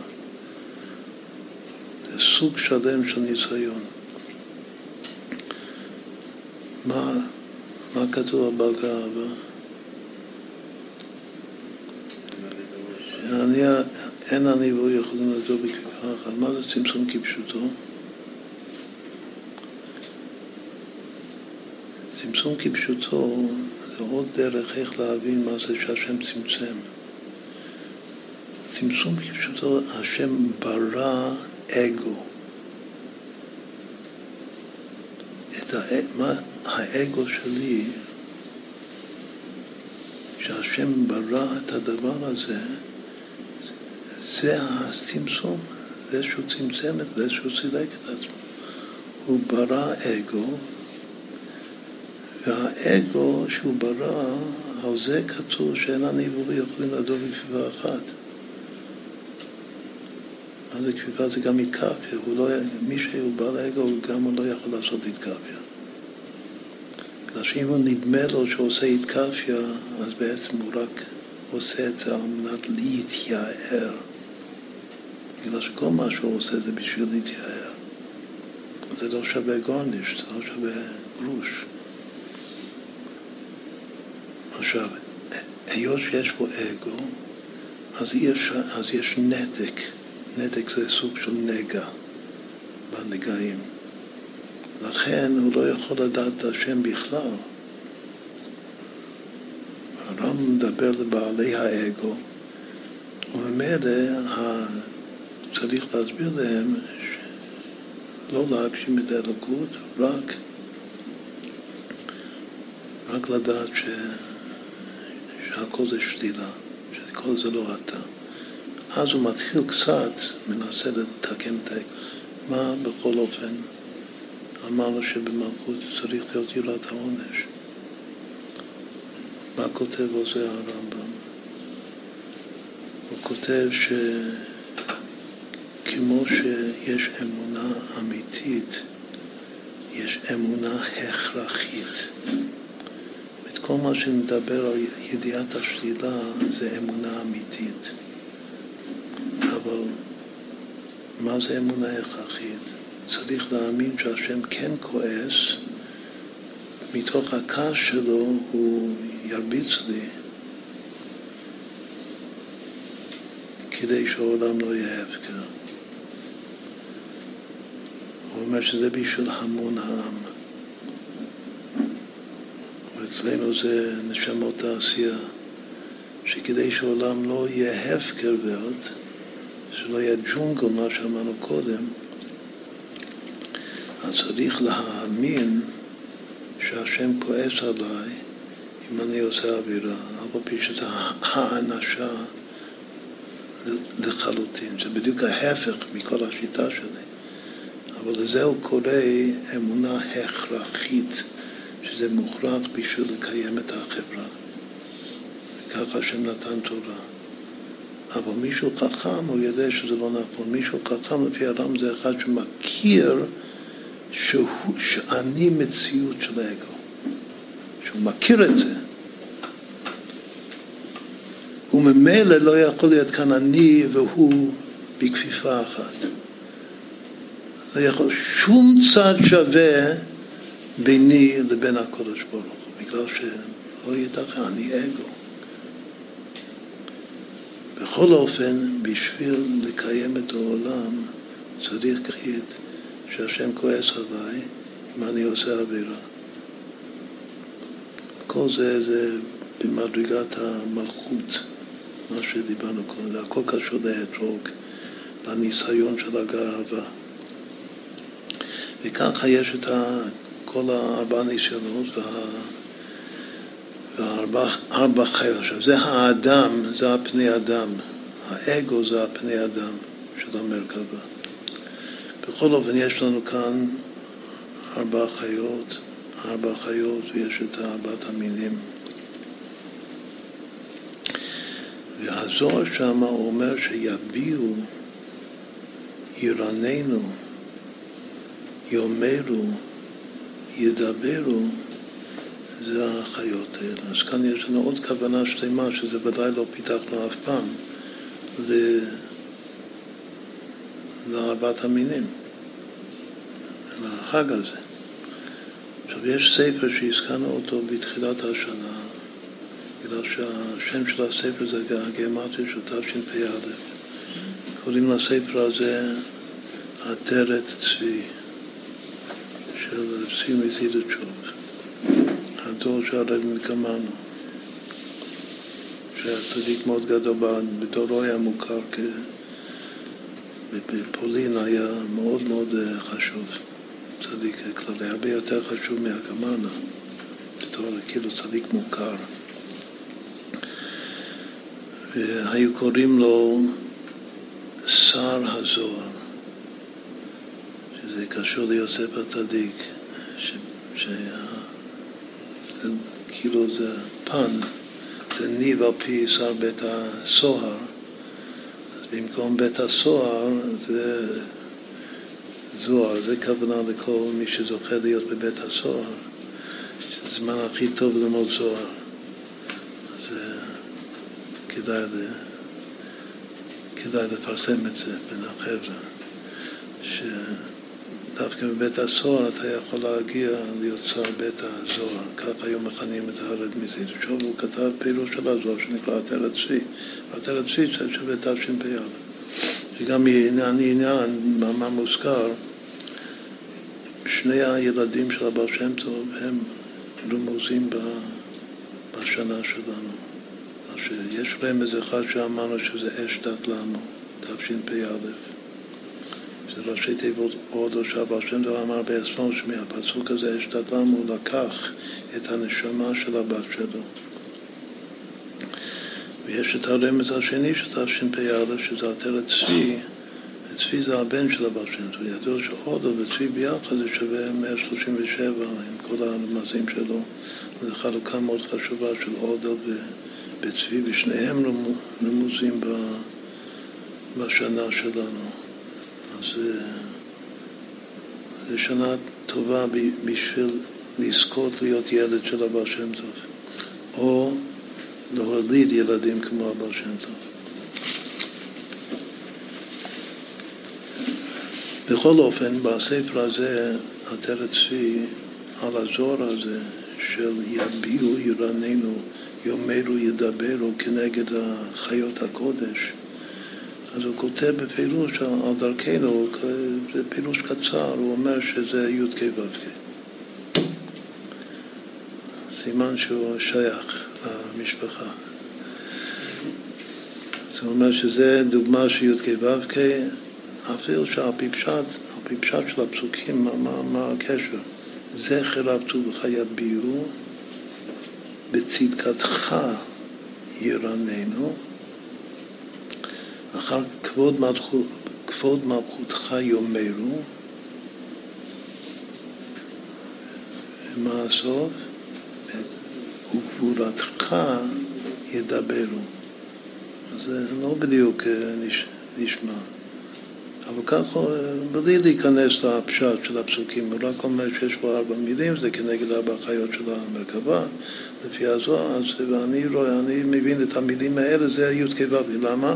בגלל שלהביע זה, זה, זה וורטים יפים. בקיצור, הבאה זה. הוא לא מביא את הפסוק, אבל כתוב יום ליום יביע עומר. יום זה גילוי אור, זה חוכמה. נקרא אלוקים לאור יום. כמו שאמרנו קודם, שיגידו, להגיד זה לא לדבר, זה משהו אחר, להגיד. אז גם להביע עוד יותר, שלהביע זה לא בדיוק לדבר. יש הבעת פנים, יש הבעת עיניים, יש הבעת אצבע. המלאכים, כל המלאכים היו רוצים לראות איך שהרבי אלמד מזיז את האצבע. יש שם הבעה של רזין דרזין. החכם ניכר בהליכה שלו, בגלל שזה הבעה. הוא גם כן לא כותב שהבעה, השאר זה בית עין, זה עין בית, זה השם של, של האבא, של החוכמה. אז הוא אומר שיביעו זה חוכמה, זה יוד. ירננו זה, זה כמו ועבד הלוי, הוא גם כן לא מביא את הפסוק הזה, הוא כותב ממש בקיצור שזה י"ק ו"ק וזהו. אבל זה טוב, זה טוב הפעלים האלה בלי להתחשב על מה הם כתובים. ברגע שאני קורא את הפסוק, זכר רב טובך יביעו חיינו, זה כבר לא כל כך uh, מסתדר. אבל רק להוציא את המילים האלה, יביעו, ירננו, יאמרו, ידברו, אז זה כן, זה, זה מעולה הפעילות שלו. שהבאה זה חוכמה, ולרנן, כמו, על מי כתוב שמרנן? יצחק, יצחק ירנן, זה השמאל. זה אני בינה לגבורה. אחר כך, מה ההבדל בין יאמרו לבין ידברו? שיאמרו זה כמו שאומרים עדיין עד ראשון הרע בבעד בכלל, בדוד השם אורי וישי אומרים לך אמר ליבי, אמירה זה בלב, בדיבור זה בפה, אמירה זה פנימי לגבי דיבור שהוא חיצוני. לכן יאמרו זה הלב שזה הוו של שם השם, וידברו זה המלכות. אף על פי שמלכות כתוב על יאמרו, וידבר כתוב על זה, כתוב על, גבורתך, שזה לכאורה מידות, זה. אבל הפעלים זה הפוך. זה אפילו בתוך הסידור הוא מסביר את זה, שכבוד מלכותך יאמרו זה הפנימיות של המלכות, שמקבלת מהחיצוניות של המידות, שזה גבורתך ידברו. הוא עושה התקללות. שידברו זה באמת חיצוניות, ויאמרו זה פנימיות, רק שהיאמרו זה כתוב על המלכות, והידברו זה כתוב על הגבורה, שזה מידות. אבל כאן העטרת צבי, הוא שוב כותב פשוט, וזה פירוש, זאת אומרת, מיד תפס שתיים פירוש מאוד יפה. בלי להתייחס לשאר המילים. שיביעו זה י', ירננו זה ה', ויאמרו זה ו', וידברו זה היטתה. אז יש כאן י"ק ו"ק, יש כאן ארבעת המינים, אבל מה אמרנו קודם? זה כבר לא ראיתי בכלל. אם יש כזה סיפור, אז צריך להסתכל כאן באשרי ולראות כמה, יש עוד מילים כאלה? אין יספרו, יש הספרנה. אז אמרנו שיש יגידו, וצריך להיות בדיוק אותו משקל, שזה י' בהתחלה וו' בסוף.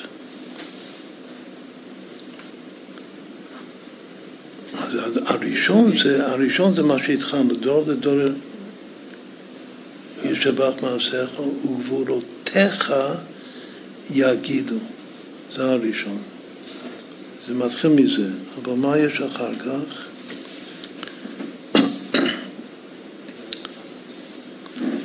יש ואזוז נורותיך יאמרו, עוד פעם יאמרו, וגדולתך אספרנה.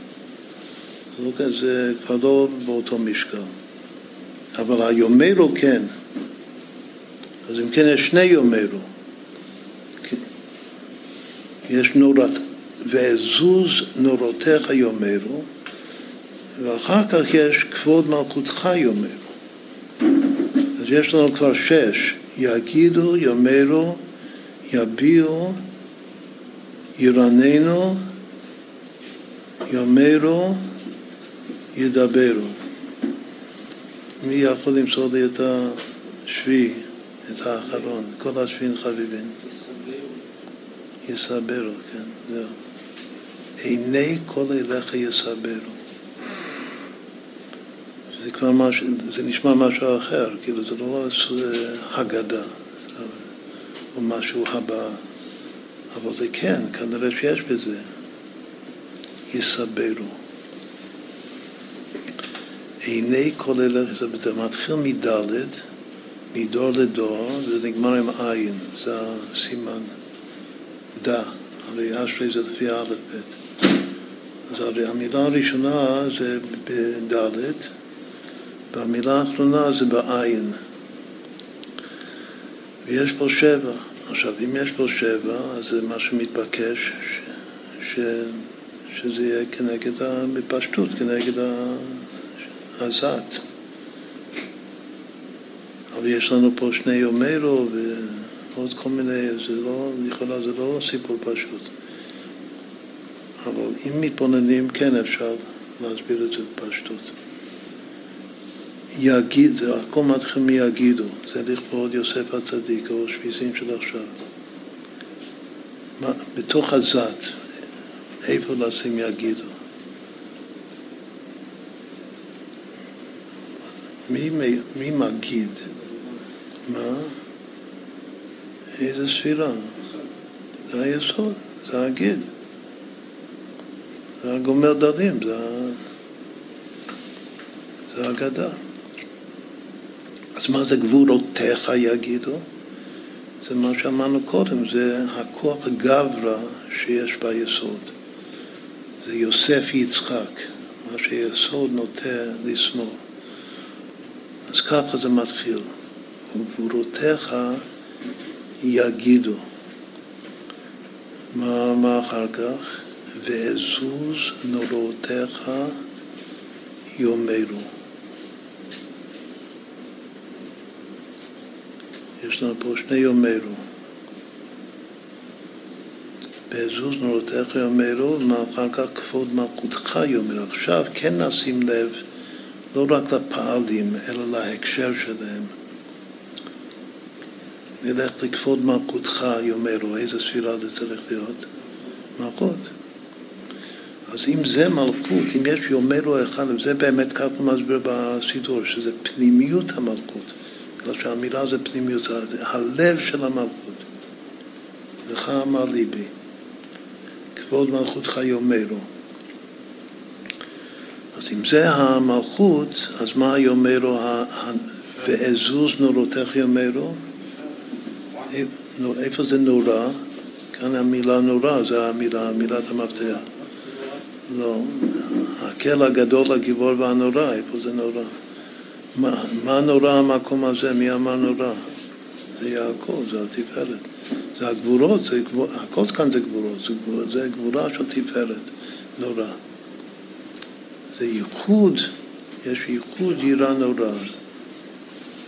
נורא זה ההתגלות של השם, ההתגלות של המורה, אבל זה בתפארת. אז אם כן, בעזוז, נורותיך יאמרו, אני אשים את זה בתפארת, ומה שיהיה בהמשך, כבוד מלכותך יאמר, נשיא את זה במלכות. עכשיו נלך הלאה, את הארבע של הקטע בזוהר, שזה הזכר רב טובך, זכר רב טובך יד, זה חסד, זכר רב טובך, לכאורה, זה מתאים לחסד, מה אחר כך? וצדקתך ירננו. מה זה צדק, צדקתך? אם לא היה מלכות, אז הייתי אומר שזה צדק מלכות הקדיש, שצדק זה מלכות.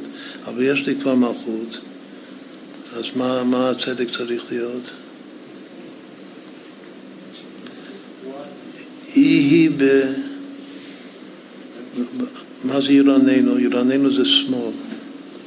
אז או שזה גבורה, או שזה, או שלפי התרת צבי זה, זה בעצם זה בינה, זה העילה, או שזה בינה, או שזה גבורה, או שזה בינה עד הוד התפשטת. אז הפשט כאן, צדקתך ירננו, זה גם ההוד מרנן. מה זה מרנן? זה אור חוזר. רינון זה כמו בעבוד שיים רינה, זה אור חוזר מלמטה למטה. זה בכל צד, בכל קו שמאל. אז זה צדקתך ירננו, זה, זה יהיה ההוד כאן. מאחר כבוד מלכותך, יאמרו זה אמרנו זה מלכות, וגבור, עכשיו זה פשט, וגבורתך ידברו. זה גבורה. זה גילוי, זה חיצוניות, לדבר זה חיצוניות, זה, זה גבולה.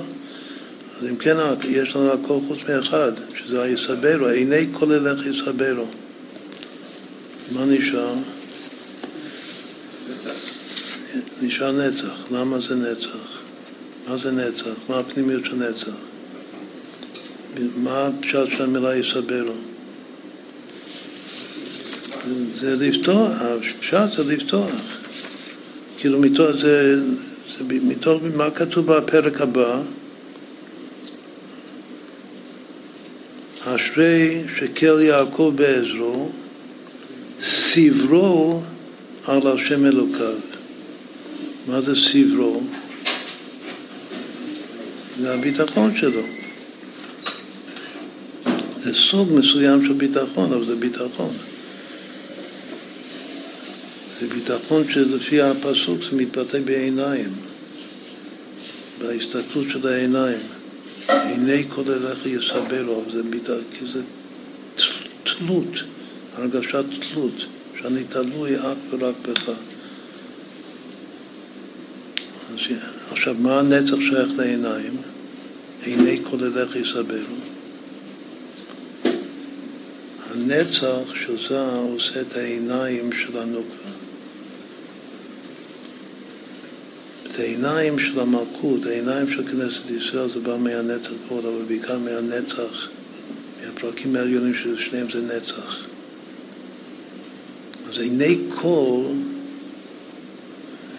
זה נצח. עיני כל אליך יסבלו ביטחון. אז ככה עשינו דרוש שלם של השבע מילים האלה, של אותו משקל בתוך זה, אבל אמר שיש קטע בזו שהוא רק מייחד ארבע, ויש את הפירוש של, של התמך צדק רק על הראשון, על הדור לדור ישבח מעשר גבולות יעיל, שמביא ממקום אחר בזוהר, שמתייחס לגבולותיך יגידו לעומת וגבורתך ידברו. בסדר, זה דרוש שלם בפני עצמו. אחרון אחרון אה, חביב, אמרנו קודם את הפסוק אחד יש אחד ואין שני. בהמשך כתוב טובים השניים מן האחד. בהמשך כתוב החוט המשולש לא במהרה ינתק. זה יחידה בספר קהלת של, של חג סוכות של חמישה פסוקים. יש כאן חמישה פסוקים. זה הכל נדרש במדרש וגם בחסידות הכל המשך אחד. שזה מתחיל יש אחד ואין שני וגם בן ואח אין לו, זה ההמשך של הפסוק וכו'. אבל אחר כך זה כתוב טובים השניים מן האחד, ואחר כתוב בסוף האחוז המשולש, לא במילא ינתק. יש הרבה דרושים, עכשיו רק נאמר, כל זה, הדרוש, העיקר בחז"ל זה שלא טוב להיות יחידי כאן. את הפשט שרש"י וגם בחז"ל זה שהאחד כאן זה לגריותא. יש תלושים שמפרשים את זה למעיותא, שזה הקודש ברוך הוא, אבל הפשט זה שיש אחד שעובד לבד, שהוא לא, לא יכול להשתתף. עכשיו, מפרשים את זה בשלושה אופנים. או שזה תלמיד שלומד לבד, בלי חברותא. שעל זה כתוב חרב אל העבדים ונועלו. זה החרב של הלא טוב. נועלו זה לשון איוולת, שהוא מתאפש במקום להתחכם. יש פעילות שני, שזה אחד שעושה עסקים לבד, בלי שותף, בפרקמטיה. ויש פירוש שלישי, שזה אחד שהוא נשאר רווק ולא רוצה להתחתן. זה כבר משהו נחמד. כאילו שהחז"ל משווים את, את שלושת המצבים האלה. בחור ישיבה שלא רוצה חברותה, ואיש אה, עסקים שלא רוצה שותף, ו... איש שלא רוצה להתחתן, בחור שלא רוצה להתחתן. אז יש קצת שווה ביניהם. בסוף כתוב שהחוט המשולש לא במהרה ינתק, כלומר שעוד יותר טוב משניים זה שלוש. אז אם מדובר למשל איש ואישה, אז מה זה שלוש? זה השותף השלישי, שזה הקודש ברוך ככה חזרנו. אם זה מדובר על שני שותפים בעסק, אז מי זה השלישי? לא, אז חז"ל אומרים שעוד יותר טוב תיקח עוד שותף, שיהיו שלושה שותפים. ככה חז"ל אומרים, שהחוט המשולש לא במילוי הנתק, לא מספיק שני שותפים. אם רוצים שיקול דעת זה כמו בית דין. הרי לעשות עסק, להקים משהו רציני, זה חברה, כן? אז צריך להשפיע בפסקה של החברה צריך שיהיו שלושה. זה יותר טוב מאשר רק שניים. ואחד בכלל, גם פותחים את הסיבה שאחד הוא לא יספיק. לא רק שהוא לא יצליח, הוא לא יכול להספיק את כל, ה, כל התחומים, הוא לא מספיק רב-תחומי. אם זו חברה רצינית, מפותחת, צריך מישהו שהוא אחראי על זה ומישהו שהוא אחראי על זה, ולכן צריך שותפים. חוץ מהעצה הטובה שכל אחד נותן לשני, אבל כל אחד יש לו את המחלקה שלו, את האחריות שלו. ורק ככה החברה יכולה להצליח, להתפתח. אז זה לגבי עסקים, לגבי פרגמטיה. לגבי לימוד, אז זה ברור שאחד, תלמיד אחד, אה, הוא לא תמיד זוכר את הכל, ואז החבר שלו יזכיר לו ששכח משהו, יעמיד, יעמיד אותו על, על האמת. אז לכן, ו, ואם שניהם לא יודעים, אז צריכים, מי זה שם השלישי? כאילו כל אחד מהדוגמאות האלה, השלישי זה משהו אחר. מי השלישי אצל החברותא? הרב, הרב שלהם, הרבי. זאת אומרת, אצל החברות של תלמידים השלישי זה הרבי, אצל, אצל השותפים אז זה עוד אחד שיקרו. עכשיו זה שייך לשנה שלנו, למה? כל, הנושא הזה שייך, אבל במיוחד הפרגמטיה, בגלל שהשנה שלנו זה ה' שת"פא, זה, השם הקדוש של, של שיתוף פעולה, של שותפות. שלוש הדוגמאות האלה, איפה זה בספירות? הדוגמה של חברותא, הדוגמה של פרגמטיה והדוגמה של, של אה, נישואין.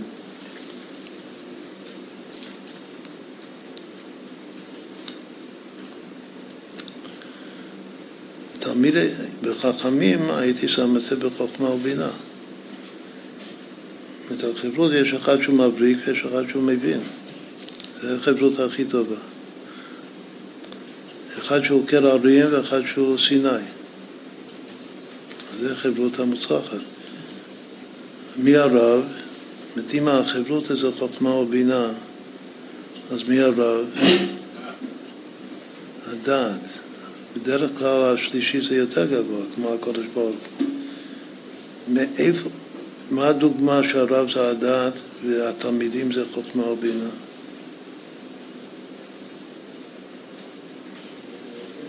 מה? זה, זה ההידרה, זה כתוב בפירוש בהידרה, שרשב"י הוא הדעת, ומי החוכמה מהבינה? רב אלעזר ורב אבו.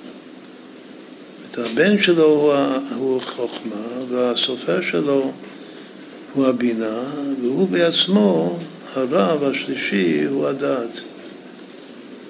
זה בפירוש, בהידרה כתוב. אז זה לגבי הדוגמה הזאת. לגבי פרגמטיה, איפה זה? זה נצח ועוד. במי השלישי? השלישי היה יכול להיות גם, גם השם צפקות זה גם ביסוד למדנו, זה יכול להיות השלישי, אבל זה תכף נראה שזה תפוס. אז השלישי זה, השותף השלישי צריך להיות מישהו שהוא כמו דיינים, כמו אחד שיכול להכריע ביניהם. יש, קודם כל, אני, אני רוצה לפתוח עסק, אז אני לוקח שותף. משלים אותי, או יש ודאי אה, מחלוקות בין, כאילו, לא תמיד זה אותה דעה. אז ניקח עוד אחד שהוא, יש לו טבע, יש לו אופי של, של מכריע. שאנחנו סומכים, ששני, שנינו סומכים עליו, זה התפארת. התפארת זה מעל נצח והוד.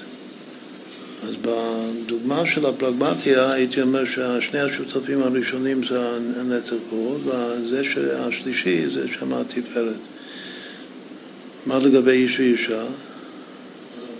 זה פשוט, זה יסוד המלכות, זה איפה הקודש ברוך הוא כאן.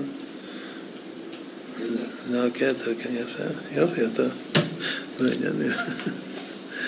בסדר, אז, רואים כאן שזה שלוש דוגמאות שונות, אבל כל אחד זה, יש איזה חידוש, שבשני התלמידים הדת הוא השלישי, בשני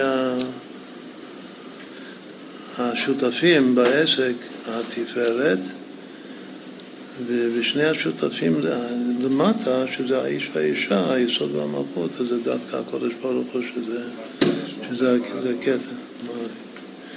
כן, בדיוק. כל הגבוה גבוה ביותר יורד למטה ביותר. בסדר, זה ה... עכשיו, יש כאן המון אה, רמזים, אבל מה שלא ראיתי, שזה נוגע לנו, שלכאורה אפשר גם כן לקשר את זה לארבעת המינים, את הפסוקים האלה. יש אחד ואין שני. גם בן ברכנו. זה טוב. אחד מהפירושים שיש אחד, שזה הולך על היצר הורו, ומסבירים את זה שהיצר הורו הוא עובד לבד. אחד מהפירושים שיש אחד, חז"ל במדרש, או שיש אחד זה הקודש ברוך הוא, או שיש אחד זה אברהם אבינו, אחד היה אברהם, או שיש אחד זה שבט לוי, או שיש אחד, זה היצר הרע. היצר הרע, הוא נקרא אחד. למה הוא נקרא אחד? בגלל שהוא עובד לבד, אין לו שותף. עושה את העבודה לבד. יש עוד אחד, עוד פירוש, יש חמישה פירושים במדרש, מה זה יש אחד. יש עוד פירוש שיש אחד, זה הולך על גבינאי בן חרסון. שמעתם פעם על גבינאי בן חסון? גבינאי בן חסון היה השיר הכי גדול בעולם והקמצן הכי גדול בעולם. ומתוך קמצנות הוא לא רצה שום שותף וגם לא רצה להתחתן. שהוא לא יצטרך לתת לאשתו שום דבר.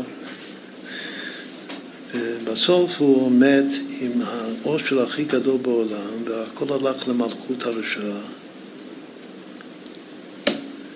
וזהו, וזה נקרא שגם זה הבל בעניין הרע, זה מה שכתוב בפסוק. זה הבל בעניין הרע הוא.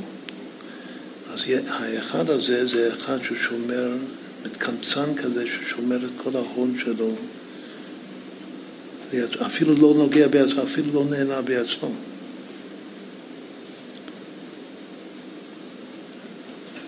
חמש, חמישה פירושים. של יש אחד.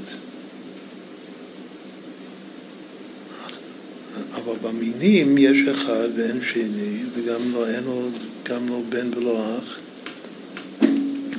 זה האתרוג. מה זה טובים השניים מן האחד? השניים זה הערבות, מה זה מן האחד? כאן זה לא אותו אחד של קודם. היש אחד הראשון זה, זה האתרוג, אבל כאן זה טובים השניים מן האחד, זה הערבות מן, ה, מן הלולב, שהוא אחד. והחוט המשולש לא במהרה ינתק. מה זה? מה החוט המשולש? זה הדסים. המשולשים. כמה שווה הדס?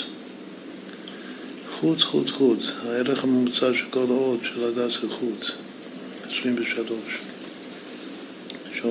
יש המון רמזים יפהפיים בזה שאין כאן, שנשאיר את זה להגה, אבל אפשר לדרוש בפסוקים האלה את כל, ה, את כל המינים.